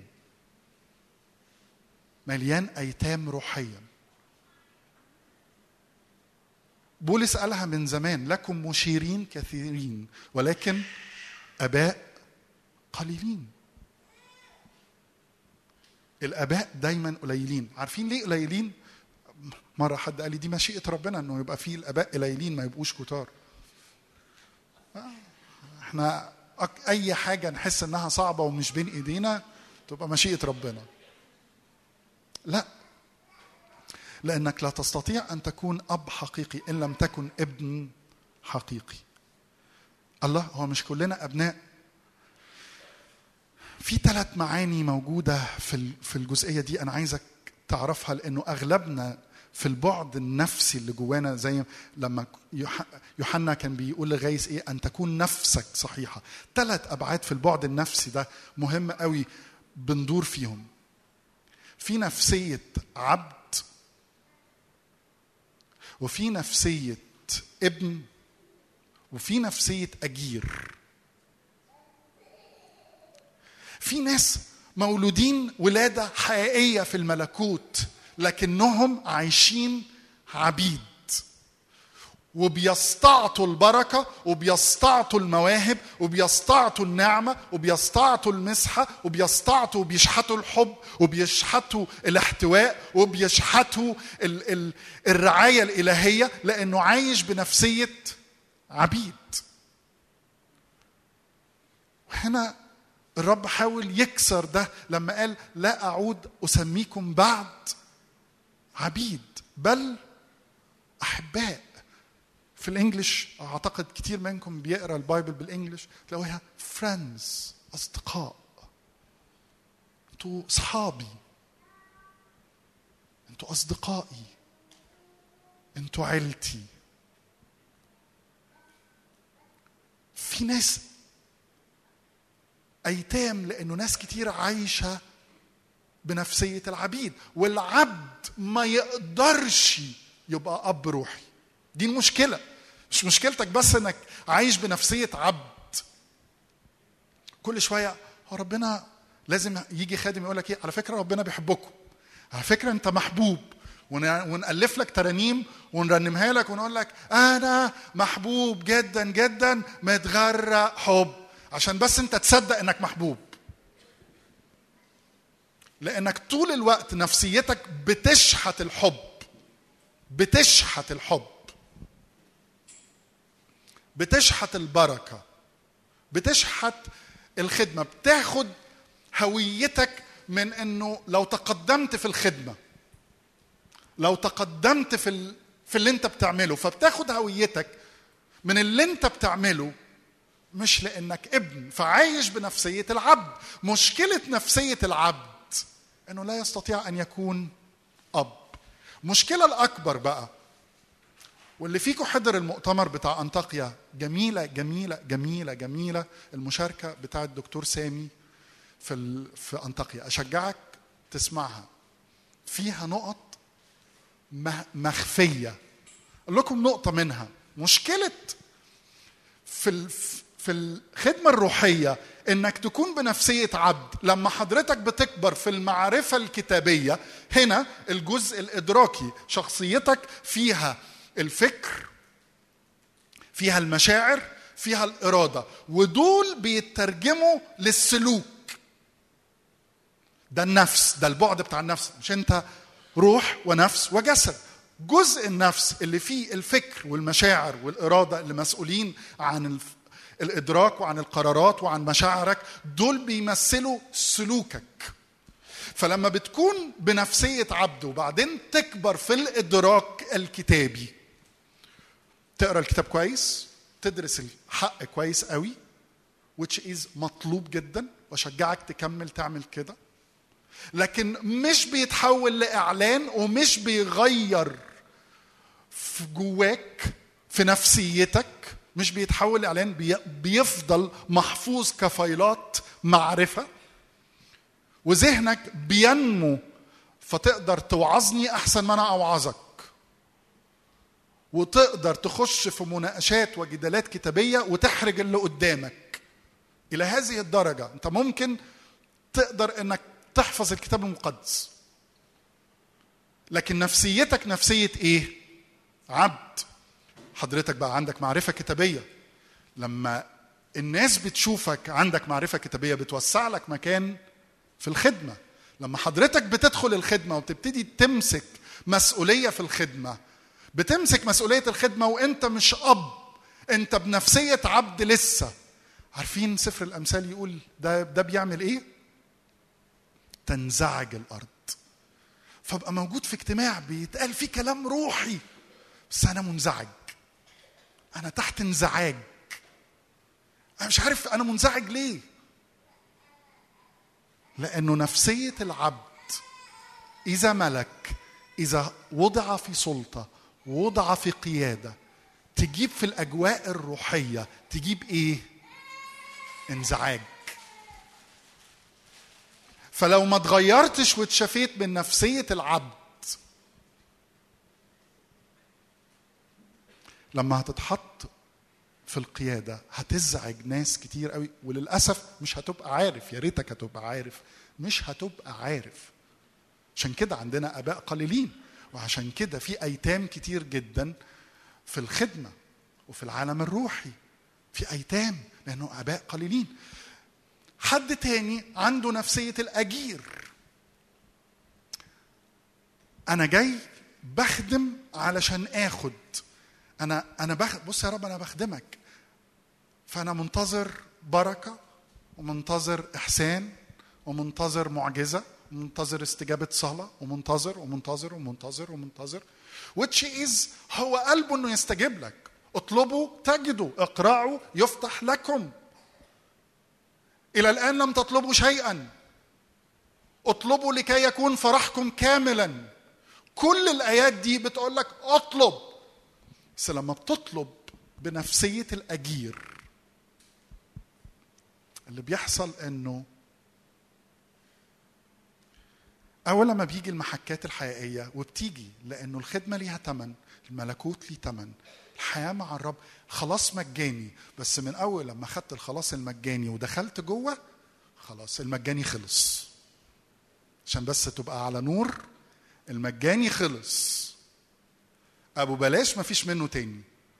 هو دفع ثمن خلاصك لكن نموك وحياتك ومسيرتك معاه دي رحلة رحلة ورحلة تستاهل كل ثمن بيدفع فيها.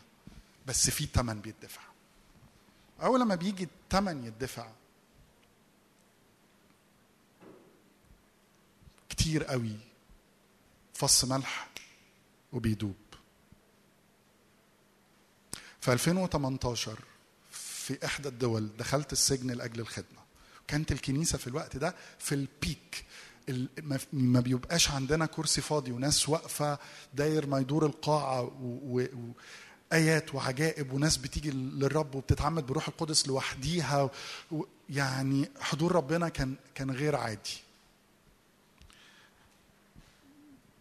لما خرجت من السجن وادوني وقت صغير أخلص فيه كل اللي ورايا في البلد عشان يرحلوني من البلد. أول حاجة عملتها إنه مع إنهم حطوني تحت الإقامة الجبرية إني ما أتحركش من البيت. وقالوا لي إحنا مراقبين تليفونك وممنوع عليك إنك تقفل التليفون. بيعرفوا مكاني مش محتاجين زي أمريكا يركبوا لي البتاع اللي في الرجل. فرحت سايب التليفون في البيت ورايح الكنيسة. بس لما رحت الكنيسة قلبي اتكسر. لأنه في الوقت دوت الكنيسة كان نصها فاضي. كان نصها فاضي. ليه؟ لأنه في أجير. أول لما بيجي الخطر بيهرب. مشكلة الأجير برضه إنه ما ينفعش يبقى أب. أنا هنا مش بحاول أدي لك تعليم عن الفرق ما بين الابن والعبد والأجير. أنا كل اللي بحاول أقوله لك إنه ليه في أباء قليلين وإحنا محتاجين أباء كتير قوي وشايف في دعوة هنا لكثيرين يكونوا أباء. بس مش مش شرط إن الدعوة موجودة إنها تتحقق لو أنت ما تحركتش تجاه التغيير اللي اللي بتستلزمه الدعوة ديت. إنه الأجير بيجري والأجير لو بقى أب هيبقى بالظبط بالظبط عامل زي الشخص اللي أمه ماتت فأبوه اتجوز وجاب له مرات أب. مفيش هذه العلاقة الحقيقية ما بين الأب والابن أو الأم والولاد. هو هو الأب البديل step father هو مرات الأب. هو مش أب حقيقي.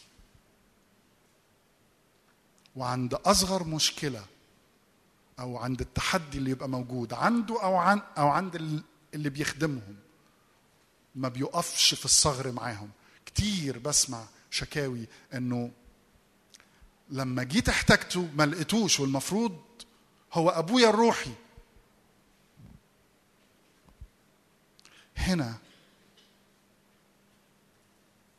لو دعوة شخص إنه يكون أب روحي لازم يكون الأول عرف إنه يكون ابن. الأول عرف إنه يكون ابن عشان يعرف يكون عشان كده أجي بقى لكل الموضوع ده عشان في الآخر أسأل السؤال اللي عايز أسأله. كم واحد هنا تيمساوس وعنده بولس في حياته؟ مش بيحضر الاجتماع وبيتابع مع القادة الرائعين اللي موجودين هنا. كم واحد تيمساوس وعنده بولس مباشر في حياته؟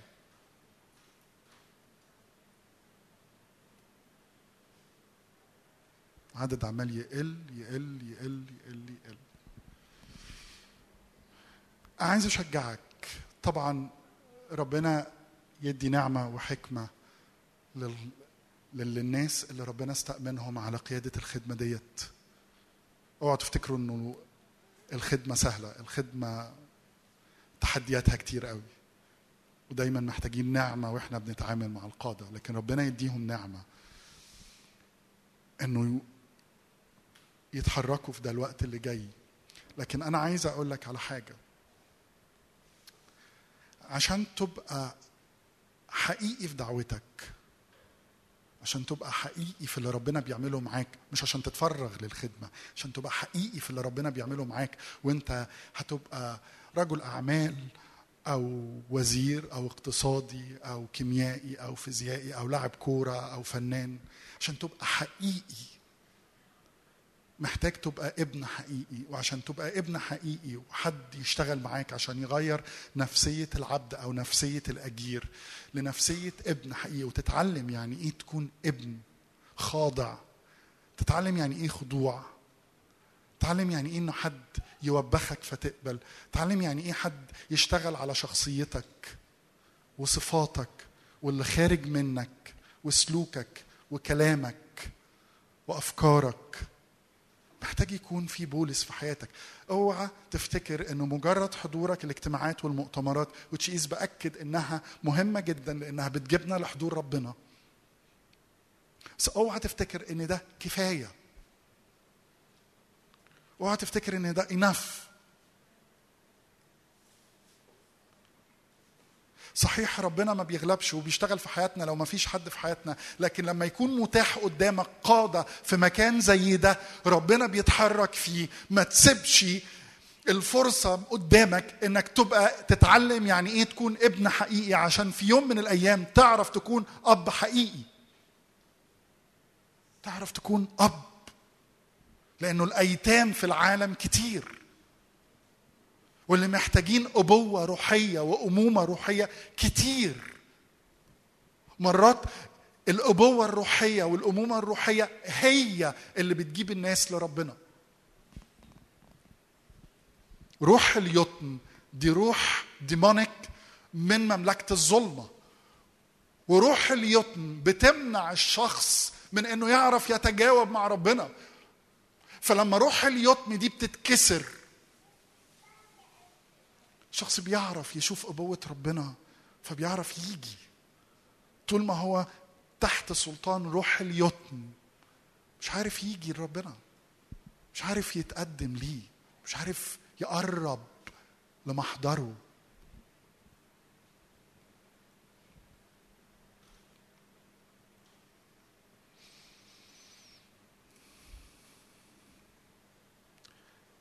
عايز أشجعك إنك تكون الوقت اللي جاي تصلي وترتب مع القادة هنا إزاي تبقى تيميساوس. أنا عارف إن ده هيبقى ضغط كبير هنا بس ده معناه إن أنتوا هتدوروا على آباء أكتر وخدام أكتر ودي بيسموها الجود بروبلم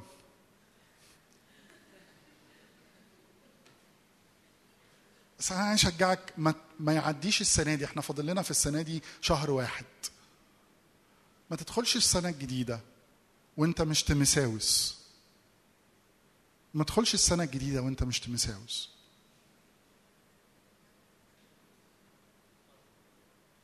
تدخلش السنة الجديدة وانت كل اللي بتعمله بتاخده من خلال تقييمك انت الشخصي للخدمات اللي بتسمعها والمؤتمرات اللي بتحضرها والحاجات اللي انت بتتفرج عليها.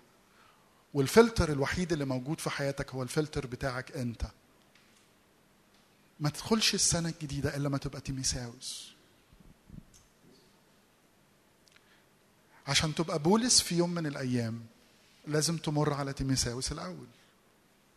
ولما تبقى تيميساوس حقيقي ابن صريح في الإيمان ساعتها ربنا يعرف يستأمنك على بولس على تبقى بولس لتيميساوس آخر. وساعتها الناس دي تنجح في إنهم يشوفوا في المكان دوت أربع أجيال موجودين.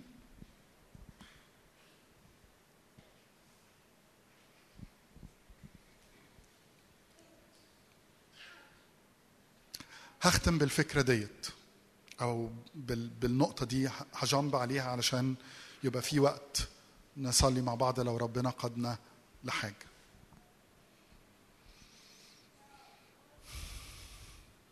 الكتاب بيتكلم عن عن ثلاث حاجات مهمين مربوطين بالفكرة بتاعت إن أنا روح ونفس وجسد.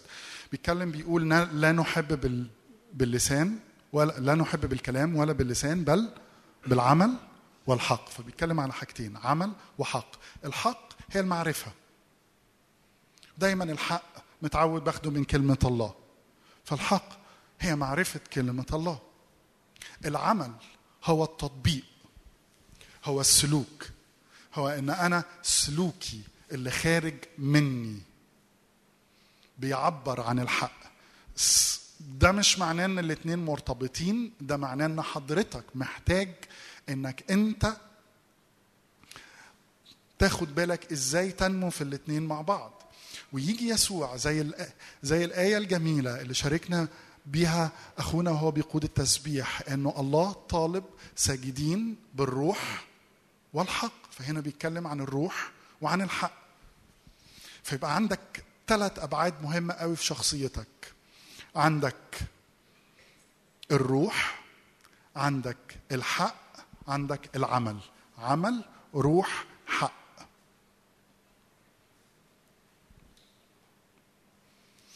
كل واحد فيهم أنا ممكن أنمو فيه لوحده. روحك هي اتولدت كبيبي كطفل يوم ما أنت قبلت يسوع المسيح مخلص حقيقي لحياتك وقبلت هذا الفداء اللي نقلك من سلطان الظلمة إلى ملكوت ابن محبته وبقيت مولود ولادة جديدة فروحك اتولدت روحك دي لسه بيبي.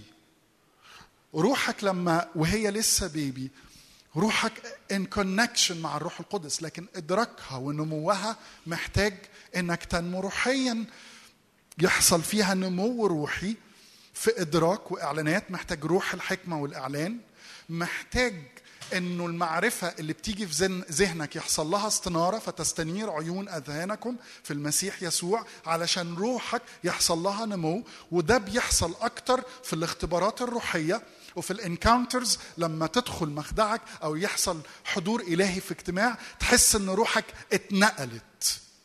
في حاجة ممكن يكون ما فهمتش بذهنك كل حاجة لكن روحك اتنقلت. وده رحلة انت ماشي فيها. على الطرف الآخر النمو الأسرع اللي دايما بيحصل هو نمو الحق. نمو الحق هو أنا من أول يوم شجعوني وقالوا لي لازم تاخد خلوتك ولازم تحاول تقرأ في كلمة الله كل يوم ولازم وأنا وأنا بشجعك زي ده وبشجعك إنه إنك تقرأ وتخلص الكتاب المقدس مرتين في السنة. مرتين في السنة لو أنت عايز تنمو في حياتك الروحية جزء من نموك إنك لازم كلمة الله تخلصها مرتين في السنة. بلاش المبدأ بتاع إصحاح في اليوم بيشيل اللوم. بلاش المبدأ ده بليز أنا كنت بحضر مؤتمر من أربع شهور. كان في شخص خادم من غانا which is كان كان جميل ان نسمع اللي ربنا بيعمله في غانا. بس وصل إنه إنه في أيام كان بيقرأ 320 إصحاح في اليوم. 320 إصحاح كان بيخلص الكتاب المقدس كل أسبوع. فبيقول الأيام اللي أنا مشغول فيها وعندي جدولي مليان بحاجات كتير قوي بقرأ 72 إصحاح في السريع عشان جدولي مشغول. لو في يوم أنا تعبان ما بقلش عن 36 إصحاح ده لما استهبل يعني ما قلش عن 36 إصحاح. فأنا عايز أشجعك إنك تكون علاقتك بالكلمة قوية جدا. كم واحد هيجرب يقرأ 320 إصحاح في اليوم؟ حدش رفع إيده المرة. وصلنا لصفر.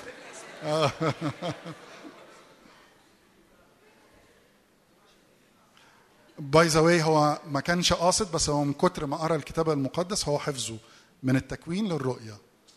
لا واللطيف بقى لقيته حافظه كل مرة آه، آه، يبتدي يقرأ بترجمة جديدة فلقيته مثلا حافظ ثلاث أربع ترجمات. ال ESV وال NIV وال ESV وال Amplified فيقول لك عايز الشاهد دوت بانه ترجمة.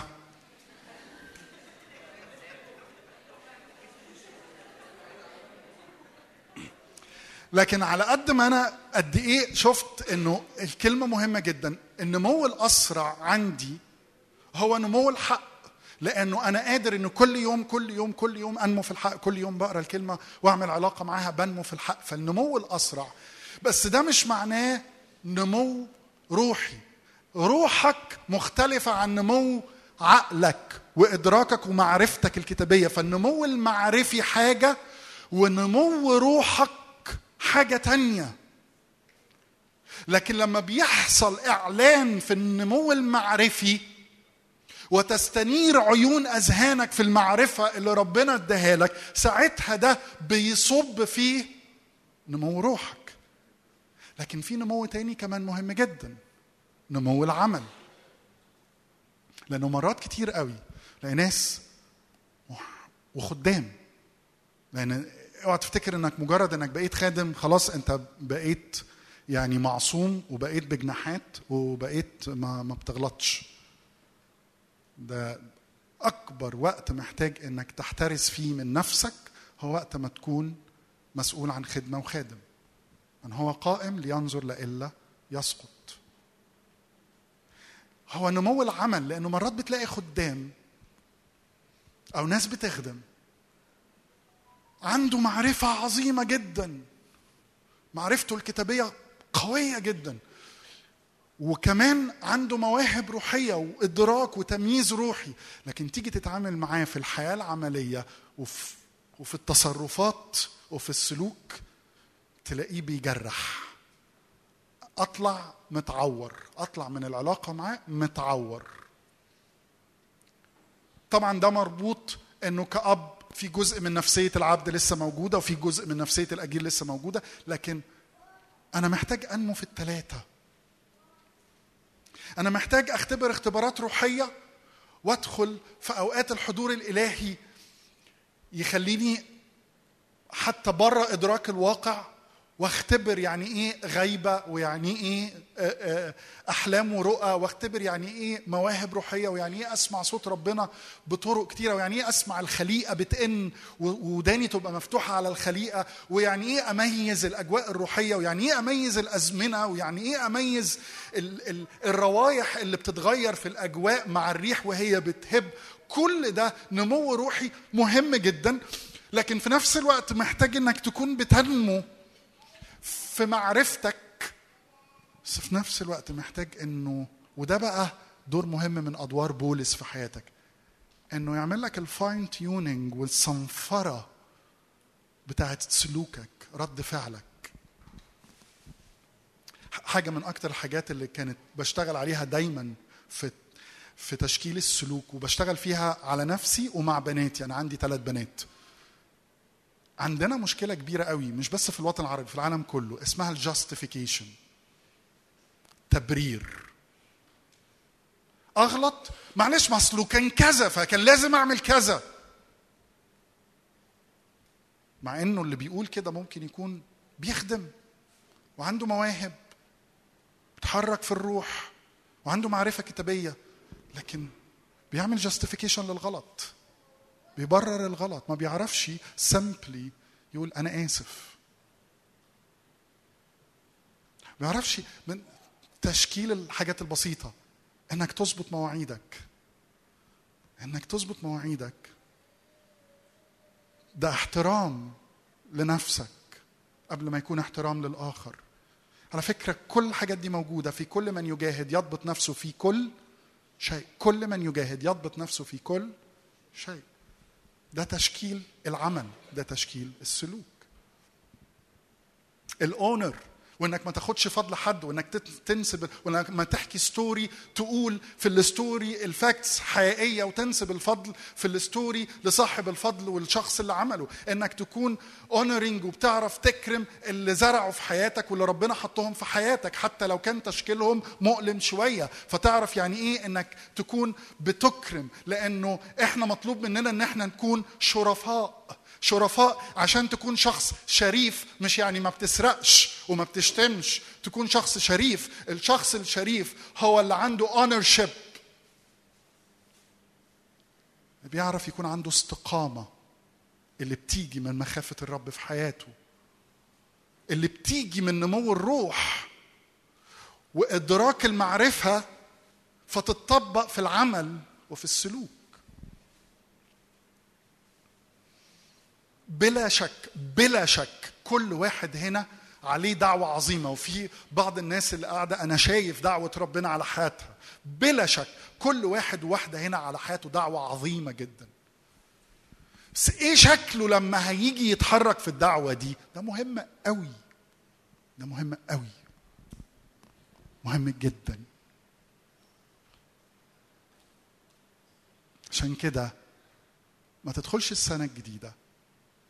من غير ما تبقى تيمساوس تخشش السنة الجديدة من غير ما تبقى تيمساوس لو رحت القائد وقال لك مش فاضي اعمل له زي امرأة صرفة صيدا. قال له تقول له كده حتى الكلاب تأكل من الفتات الصاد. اديني فتات وقتك.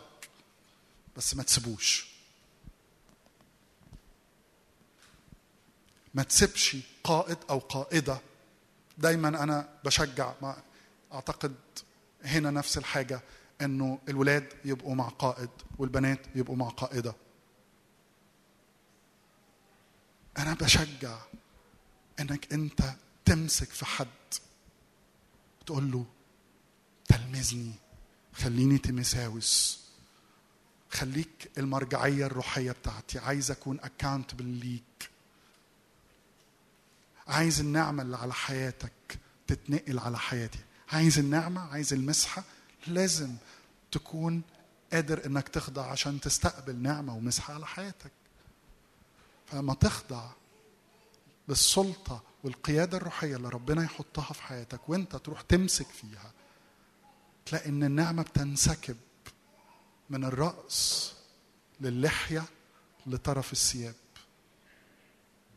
تلاقي النعمة والزيت بينسكب على حياتك.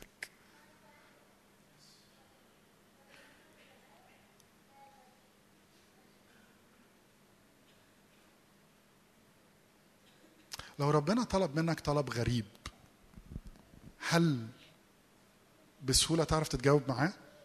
أنا أنهي بدي؟ لو ربنا طلب منك طلب غريب بسهولة تعرف تتجاوب معاه؟ طب أنا هعمل اختبار معلش هيعمل دوشة في ال- في القاعة وبعديها نهدي الدنيا ونصلي. أنا عايزك تدور على حد يكون عمل موقف كويس معاك. مش من القادة من أصحابك من من الناس من ال... ولاد ولاد مع ولاد بنات مع بنات. إيه؟ آه لا عشان اللي هطلبه ف أصل في ناس هتتلكك. فمش عايزين مش عايزين تلاكيك. عايزك تدور كنوع من أنواع إنك بتبتدي تاخد اكشن في فهم يعني إيه honor عايزك تتحرك لحد وتروح تبوس إيده. وتقول له شكرا. ولما تعمل كده ما تمثلش. ما تمثلش. اعملها when you mean it. إنها طالعة من قلبك. إنها طالعة من قلبك. طالعه من من جواك. أنا بحاول أكسر حاجة شايفها في الروح. حتى لو أنت مش فاهم أنا بعمل إيه معلش خدني على قد عقلي. بس بح- بحاول أكسر حاجة في الروح. ف عايزك تتحرك. ولاد مع ولاد بنات مع بنات بأكد عشان محدش يتلكك. لأنها هتبقى سهلة قوي. يا سلام. أروح أبوس.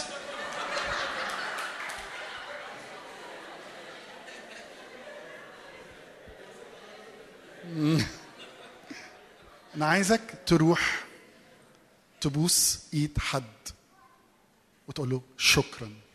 لو مش قادر وحاسس إن أنت you are not feeling comfortable إنك تعمل كده اقعد مكانك. أنا مش عايز أجبر حد على حاجة. بس أنا عايز لو تقدر تزق نفسك إنك تعمل كده اعمل كده. واعمل كده وأنت بتعنيه مش بهزار ومش وأنت بتضحك. You mean it. اتفضلوا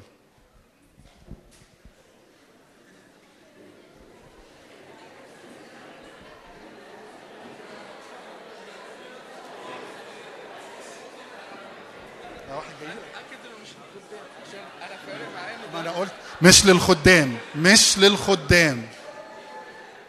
واحد جاي لك بس فهمه بقى.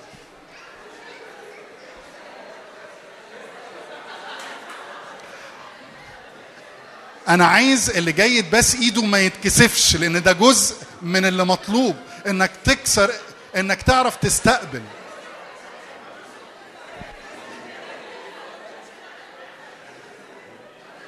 يعني ما تشدش إيدك استغفر الله العظيم استغفر الله العظيم. لا استقبل الأونر استقبل المحبة زي ما هتعملها انت كمان. اللي خلص ممكن يرجع يقعد مكانه.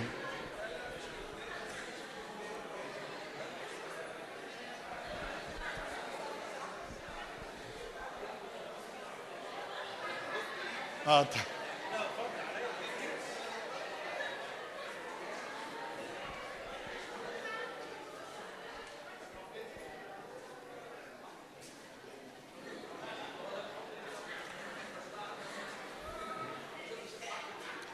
ده مش وقت الاتفاق على خروجة بكرة.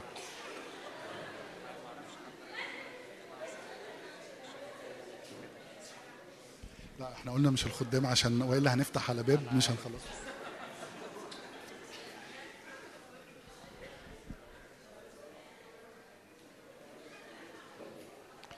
اللي خلص يقعد.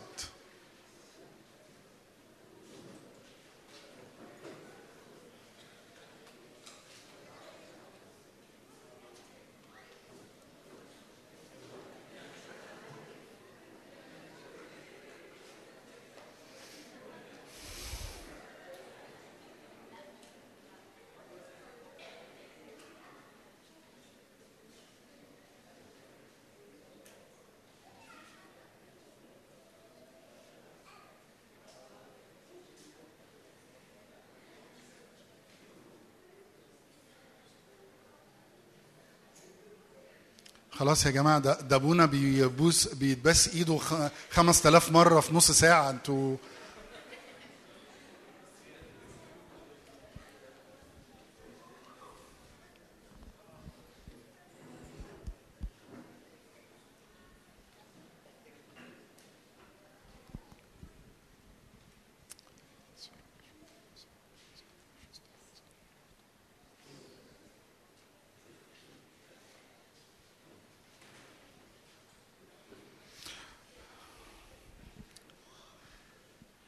بصي أنا هنصلي دلوقتي. أنا عايز أطلب من. من الخدام.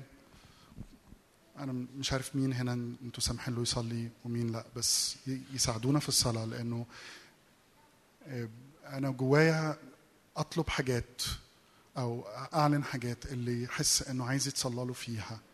ليه أو لحد قريب منه قوي آم، ويقدر يقف أو يجي قدام. فأنا عايز الخدام يكونوا جاهزين يصلوا مع الناس.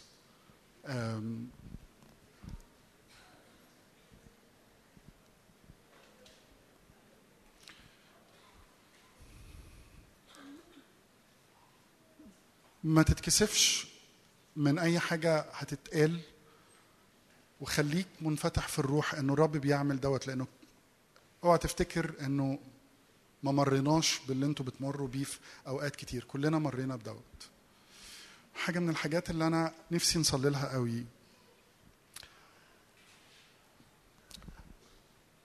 لو مرت عليك أفكار انتحار في الوقت اللي فات أنت أو حد تعرفه. لو مرت عليك أفكار انتحار أو تطورت إلى محاولة أو حد قريب منك تطور إلى محاولة خلينا في الروح خلينا نغمض عينينا كلنا خلينا نغمض علينا. غمض عينيك. ابتدي يستقبل في الروح. بس أنا شاعر دوت موجود فأنا نفسي قوي إن إحنا نكسر روح الموت ديت لأنه شاعر إن ده موجود وموجود كتير كتير.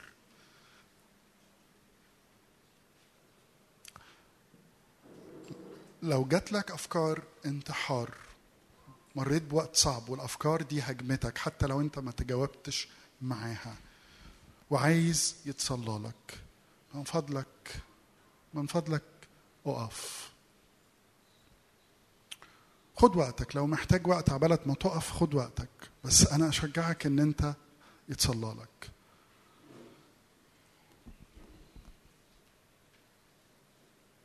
في حرية الرب عايز يطلقها النهارده. في كسر الروح الموت. في كسر الروح الموت. حتى لو كانت لحد قريب منك حد قريب في العيلة حد قريب من أصدقائك. اسم يسوع.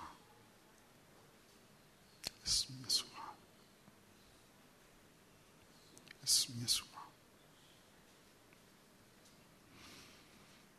لما يجي لما يجي الخدام يصلوا معاك لو كنت الأفكار تحولت لمحاولة من فضلك شاركه علشان يصلي لكسر الخطوة ديت اللي إبليس بيحاول إنه يحط ليه موطئ قدم علشان يسلب حياتك. فلو الأفكار اتطورت لمحاولة من فضلك شارك الشخص اللي هيجي يصلي معاك. يا ريت يا ريت الخدام يا ريت الخدام يتحركوا وسط الناس ويصلوا لهم.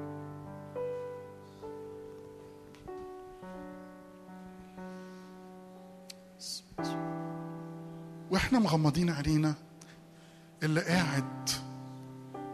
لو بتفكر وبتاخد وقتك أمين خد وقتك لكن أشجعك إنك تقف عن نفسك أو عن حد تاني.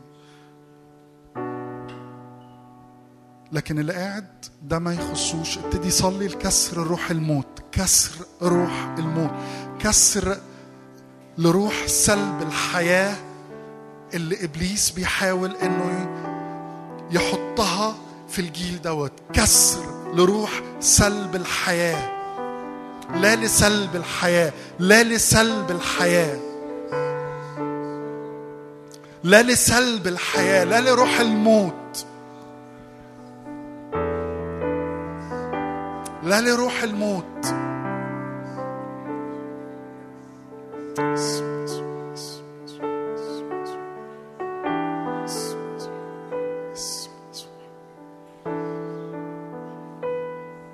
وانت بتصلي بعد ما تصلي لكسر الروح الموت لك إعاقة لروح كسر الحياة إنها تتقدم لحياتك. ابتدي اطلق حياة في يسوع لأن يسوع هو الحياة. اطلق حياة في يسوع. اعلن إطلاق حياة إطلاق حياة إطلاق حياة.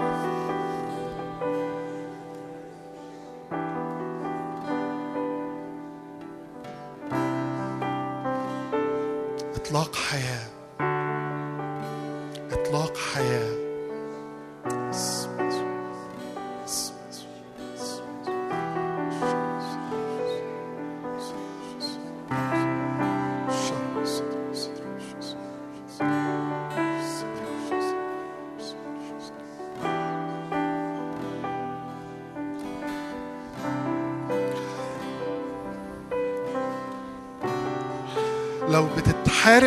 بروح اللامبالاة لو بتتحارب بروح إنه خلاص أنا تعبت زي كلها محصلة بعضيها اللي يحصل يحصل.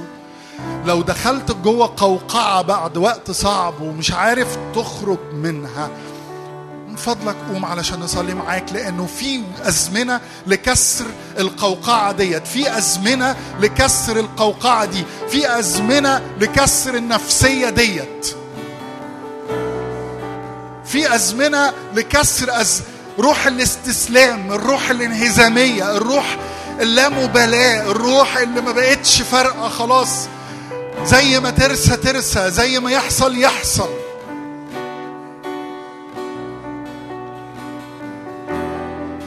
أنا ربنا مكلمني إنه في أزمنة إن إحنا نصلي إنه روح المحارب ترجع لك من جديد. جبار البأس mighty warrior انك تبقى عندك spirit مرة تاني مليانة ب fighter spirit انت محارب انت جبار بأس انت mighty warrior في يسوع المسيح وفي الروح القدس.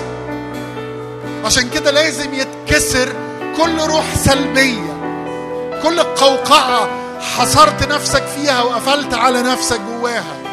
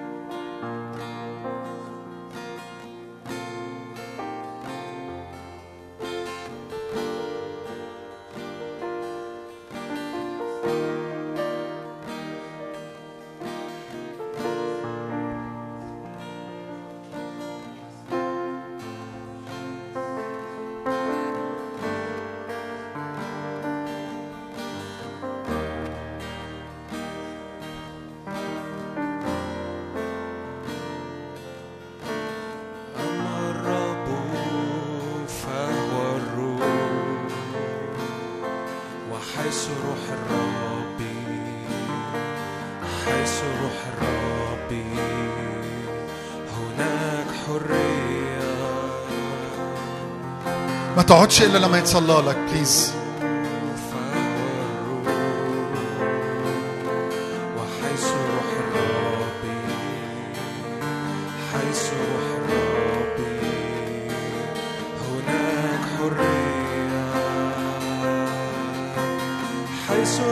ربنا حرية. أنت هنا.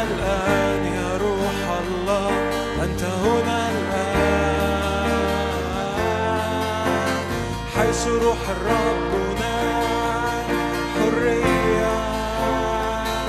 أنت هنا الآن يا روح الله أنت هنا الآن.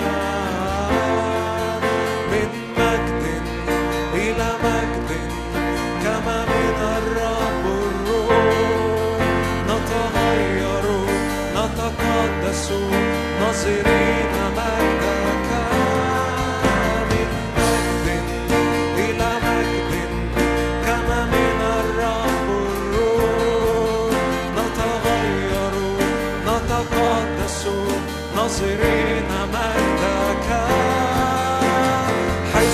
الحرام.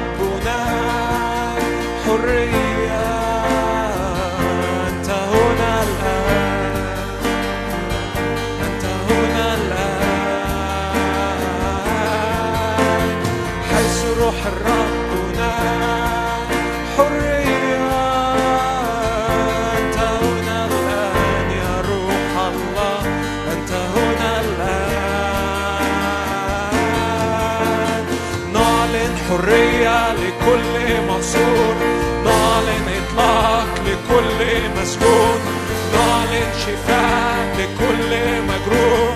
نعلن حرية.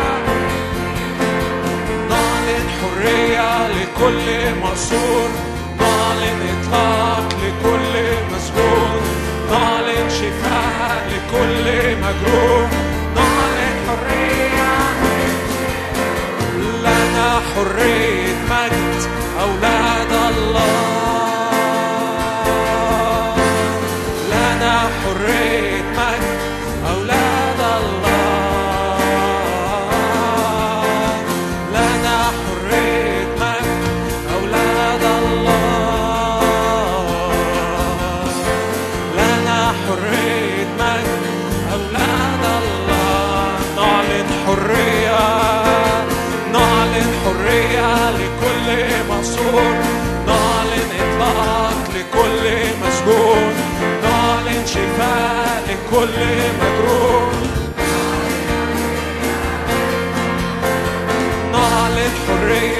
لكل مقصود نعلن إطلاق لكل مسجون نعلن شفاء لكل مجروح حيث روح الرب حيث روح الرب هناك حريه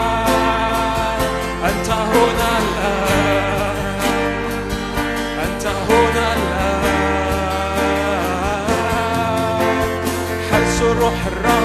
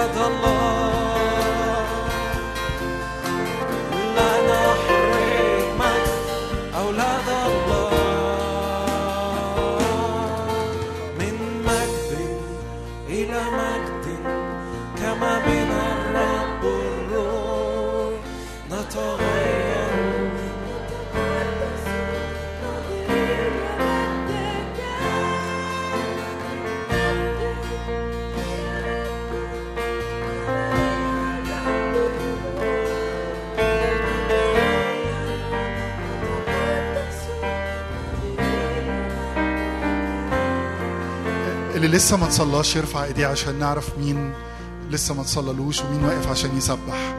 لسه ما تصللوش ممكن الخدام يتحركوا للي رافعين. خليك رافع إيدك من فضلك. ممكن الخدام يتحركوا للي لسه رافعين ايديهم.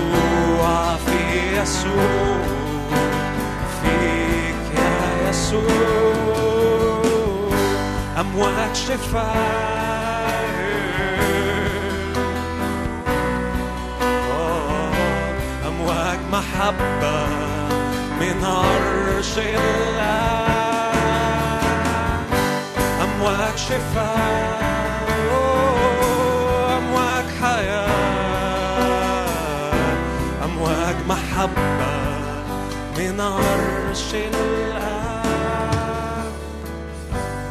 كل من يأتي إلى النار يحيا. كل ما يأتي إليه النار يحيا الآب وكل من يأتي إلى النار يحيا.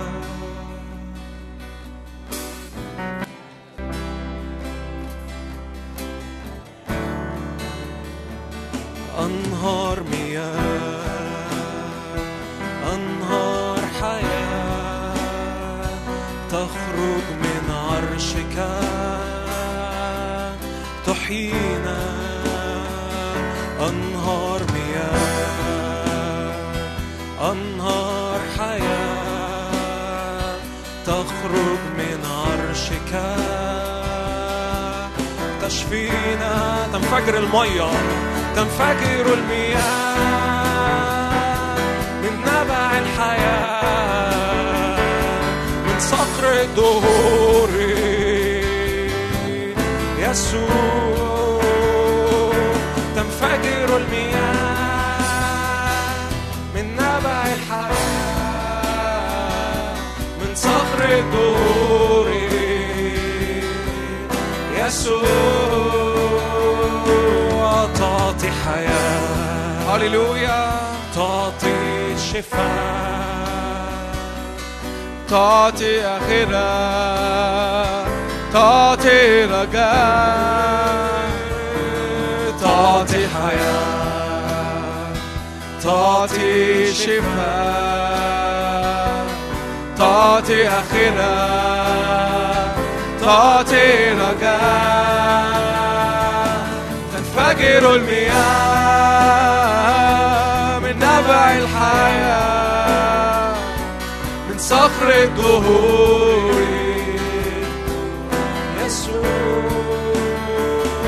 تنفجر المياه من نبع الحياة من صخر الدهور يسوع تعطي حياة. تعطي شفاء. تعطي آخرة إيه. تعطي رجاء. تعطي حياة. تعطي شفاء.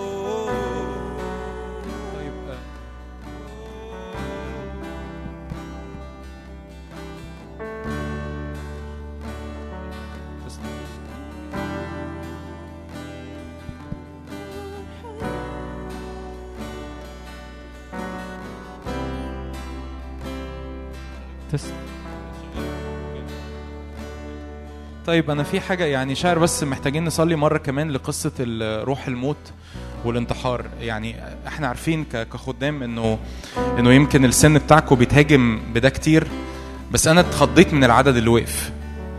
فيعني أنا ما أنا ما افتكرش ابدا لما إحنا كنا في ثانوي أو جامعة دي كانت فكرة واردة. ف معلش تعالوا نقف كلنا مع بعض لأن أنا متأكد إنه في ناس اتكسفت تقف. وشاعر إنه يعني محتاجين نتحد مع بعض في الصلوة دي.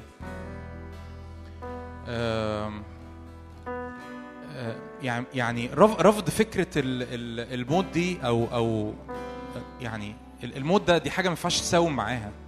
ما ينفعش تساوم العدو لحظة في حياتك. لحظة في أفكارك لحظة في مشاعرك. يعني خلونا نصلي أفضل. يعني غمض عينك كده لو تحب ترفع إيدك. روح الله أنا بصلي سياده على اللحظات دي في اسم الرب يسوع بصلي سياده على اللحظات دي في اسم الرب يسوع في اسم الرب يسوع يا رب لن نتفق مع العدو في اسم الرب يسوع يا رب لا اتفاق مع العدو في اسم الرب يسوع لا اتفاق مع العدو في اسم الرب يسوع لو تحب تا... أنا عايزك تنطق بلسانك هذه الكلمات في اسم الرب يسوع أنا بعلن اني لن أموت بل احيا في اسم يسوع اعلن كده لن أموت بل احيا في اسم الرب يسوع لن أموت بل احيا في اسم الرب يسوع احدث بعجائب الرب في اسم يسوع. اعلن كده معايا اكمل عدد أيامي. اعلن آه، لازم تنطق لازم تنطق لازم تنطق لازم تنطقي. في اسم الرب يسوع. لن أموت بل أحيا وأحدث بعجائب الرب. في اسم الرب يسوع. أكمل عدد أيامي. أكمل عدد أيامي. في اسم الرب يسوع. كل هجمة من روح الموت كل هجمة من الانتحار في اسم الرب يسوع. أنا برفضها الآن من على حياتي في اسم يسوع. في اسم الرب يسوع. كل هجمة من روح الموت ما تزهقش إنك تصلي بصوت. ما تزهقش إنك تصلي بصوت. افهم إحنا بنعمل إيه. أنت بتصلي بسلطان. في اسم الرب يسوع. كل هجمة من روح الموت. كل هجمة من أفكار انتحار. كل هجمة من أفكار فشل. كل هجمة من أفكار يأس. في اسم الرب يسوع. أنا برفضها الان من على حياتي. أنا بنتهرها الان من على حياتي. ومن على حياة إخواتي في اسم يسوع. يا رب أنا بعلن روح الحياة يملأني. روح الرجاء يملأني. روح السلام يملأني في اسم الرب يسوع. روح مرة كمان روح الحياة يملأني. روح الرجاء يملأني. روح السلام يملأني في اسم الرب يسوع. ارفع إيدك كده معايا وإعلن في اسم يسوع. أتمم دعوتي. أتمم أيامي. في اسم يسوع. أتمم دعوتي. أتمم أيامي في اسم الرب يسوع. في اسم الرب يسوع. لو تحب تسقف للرب تحيي الرب. اعلن كده اعلن انتصار اعلن قيامة. اعلن انتصار اعلن قيامة. في اسم الرب يسوع. في اسم يسوع. في اسم يسوع. يا رب جيلنا يزأر ضد هذا الروح في اسم يسوع. جيلنا يزأر ضد هذا الروح في اسم الرب يسوع. جيلنا يزأر ضد هذا الروح في اسم الرب يسوع. في اسم يسوع. يا رب كسر الحصون. كسر الحصون. كسر التشويش كسر يا رب الاكاذيب في اسم الرب يسوع. كسر لتفشيل العدو في اسم الرب يسوع على حياه كثيرين في اسم الرب يسوع. في اسم يسوع.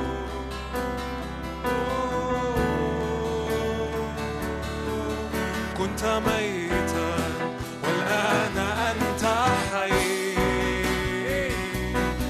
أسد غالب أسد ظافر.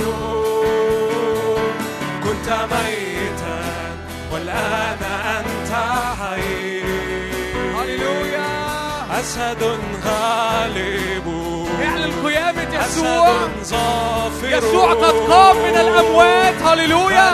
تركت الموت هي. بالقيامة.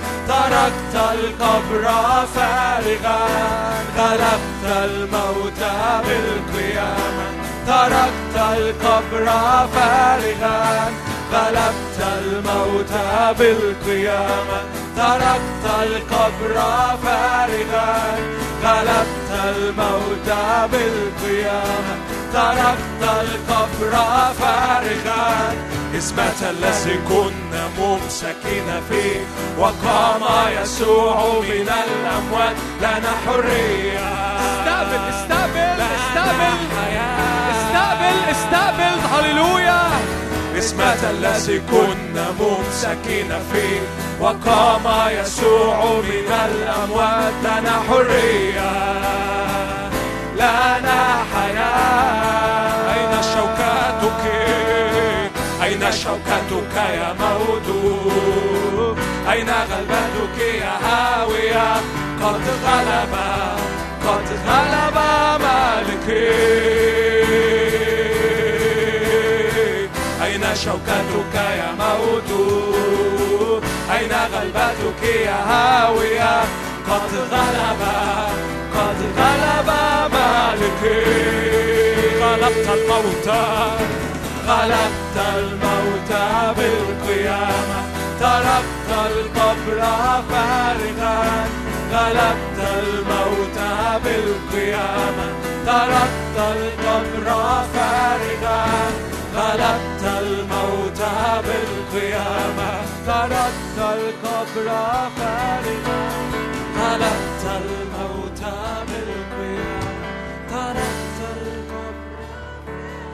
استاذنك كده وإحنا في نهاية الاجتماع ارفع إيدك. بليز خلونا كلنا نرفع إيدينا مع بعض.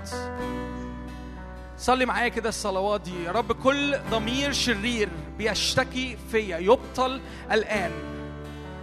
ضمائرنا مرشوشة بدم يسوع. هللويا.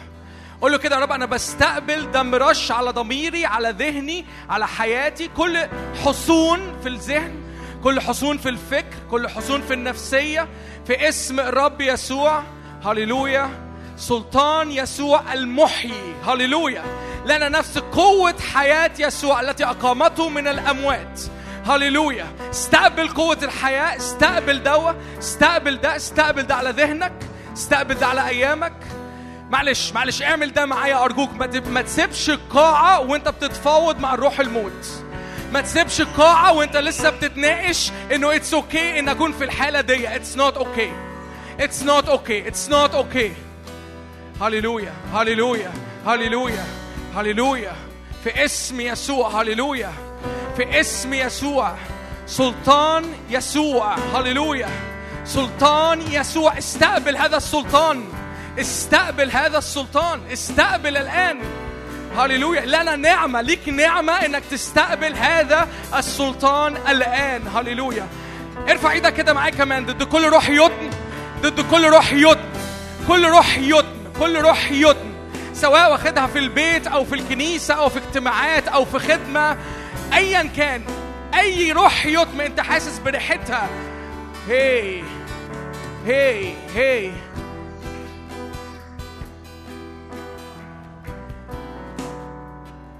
هو أب صالح جدا. هللويا. هللويا. اعلن صلاح الرب اعلن ابوته على حياتك.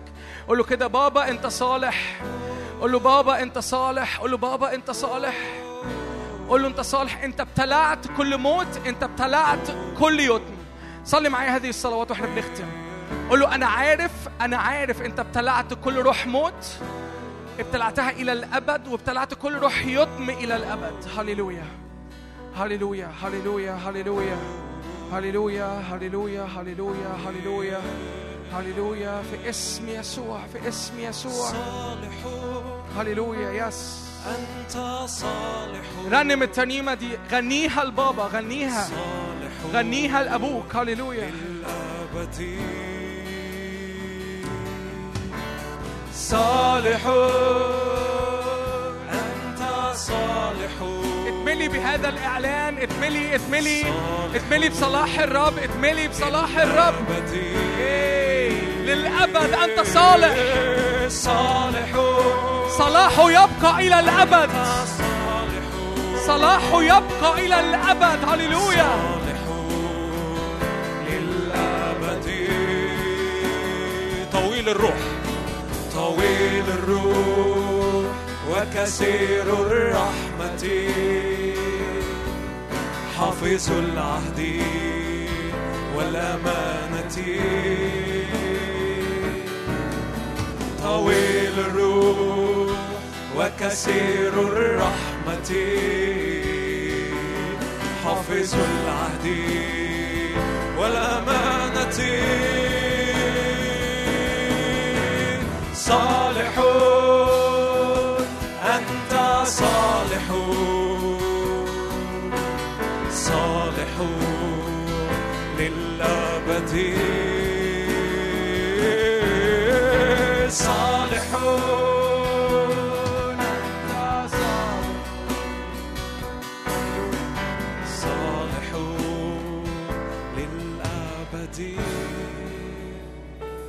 ارفع كده إيدك معايا. آخر مرة قول يا رب كل ما صنعته اليوم يبقى إلى الأبد.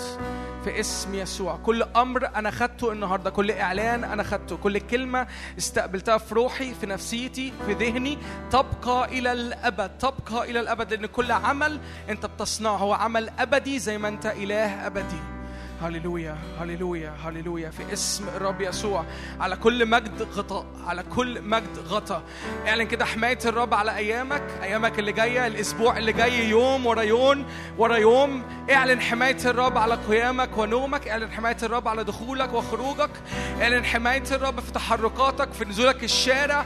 اعمل اعلن حماية الرب على مقابلاتك مع الناس على علاقاتك على مكالماتك على الواتساب بتاعك. اعلن حماية الرب على الانستجرام على الفيسبوك. اعلن إن كل أمر أنت بتستقبله في روحك يكون محمي من الرب. هللويا. محمي من الرب. في اسم الرب يسوع. هللويا. واو. تيجوا ندي سقفه للرب. هو عظيم جدا. هو يستاهل بجد. هو يستاهل بجد. على كل أمر هو بيسكبه في وسطينا. على كل أسبوع ورا أسبوع بيجي بمجد. بيجي بمجد حقيقي في وسطنا. يا رب أشكرك. أشكرك. أشكرك. على كل أمور أنت صانعها في وسطنا. هللويا بنحبك جدا. آمين. آمين. آمين. آمين. ثانك يو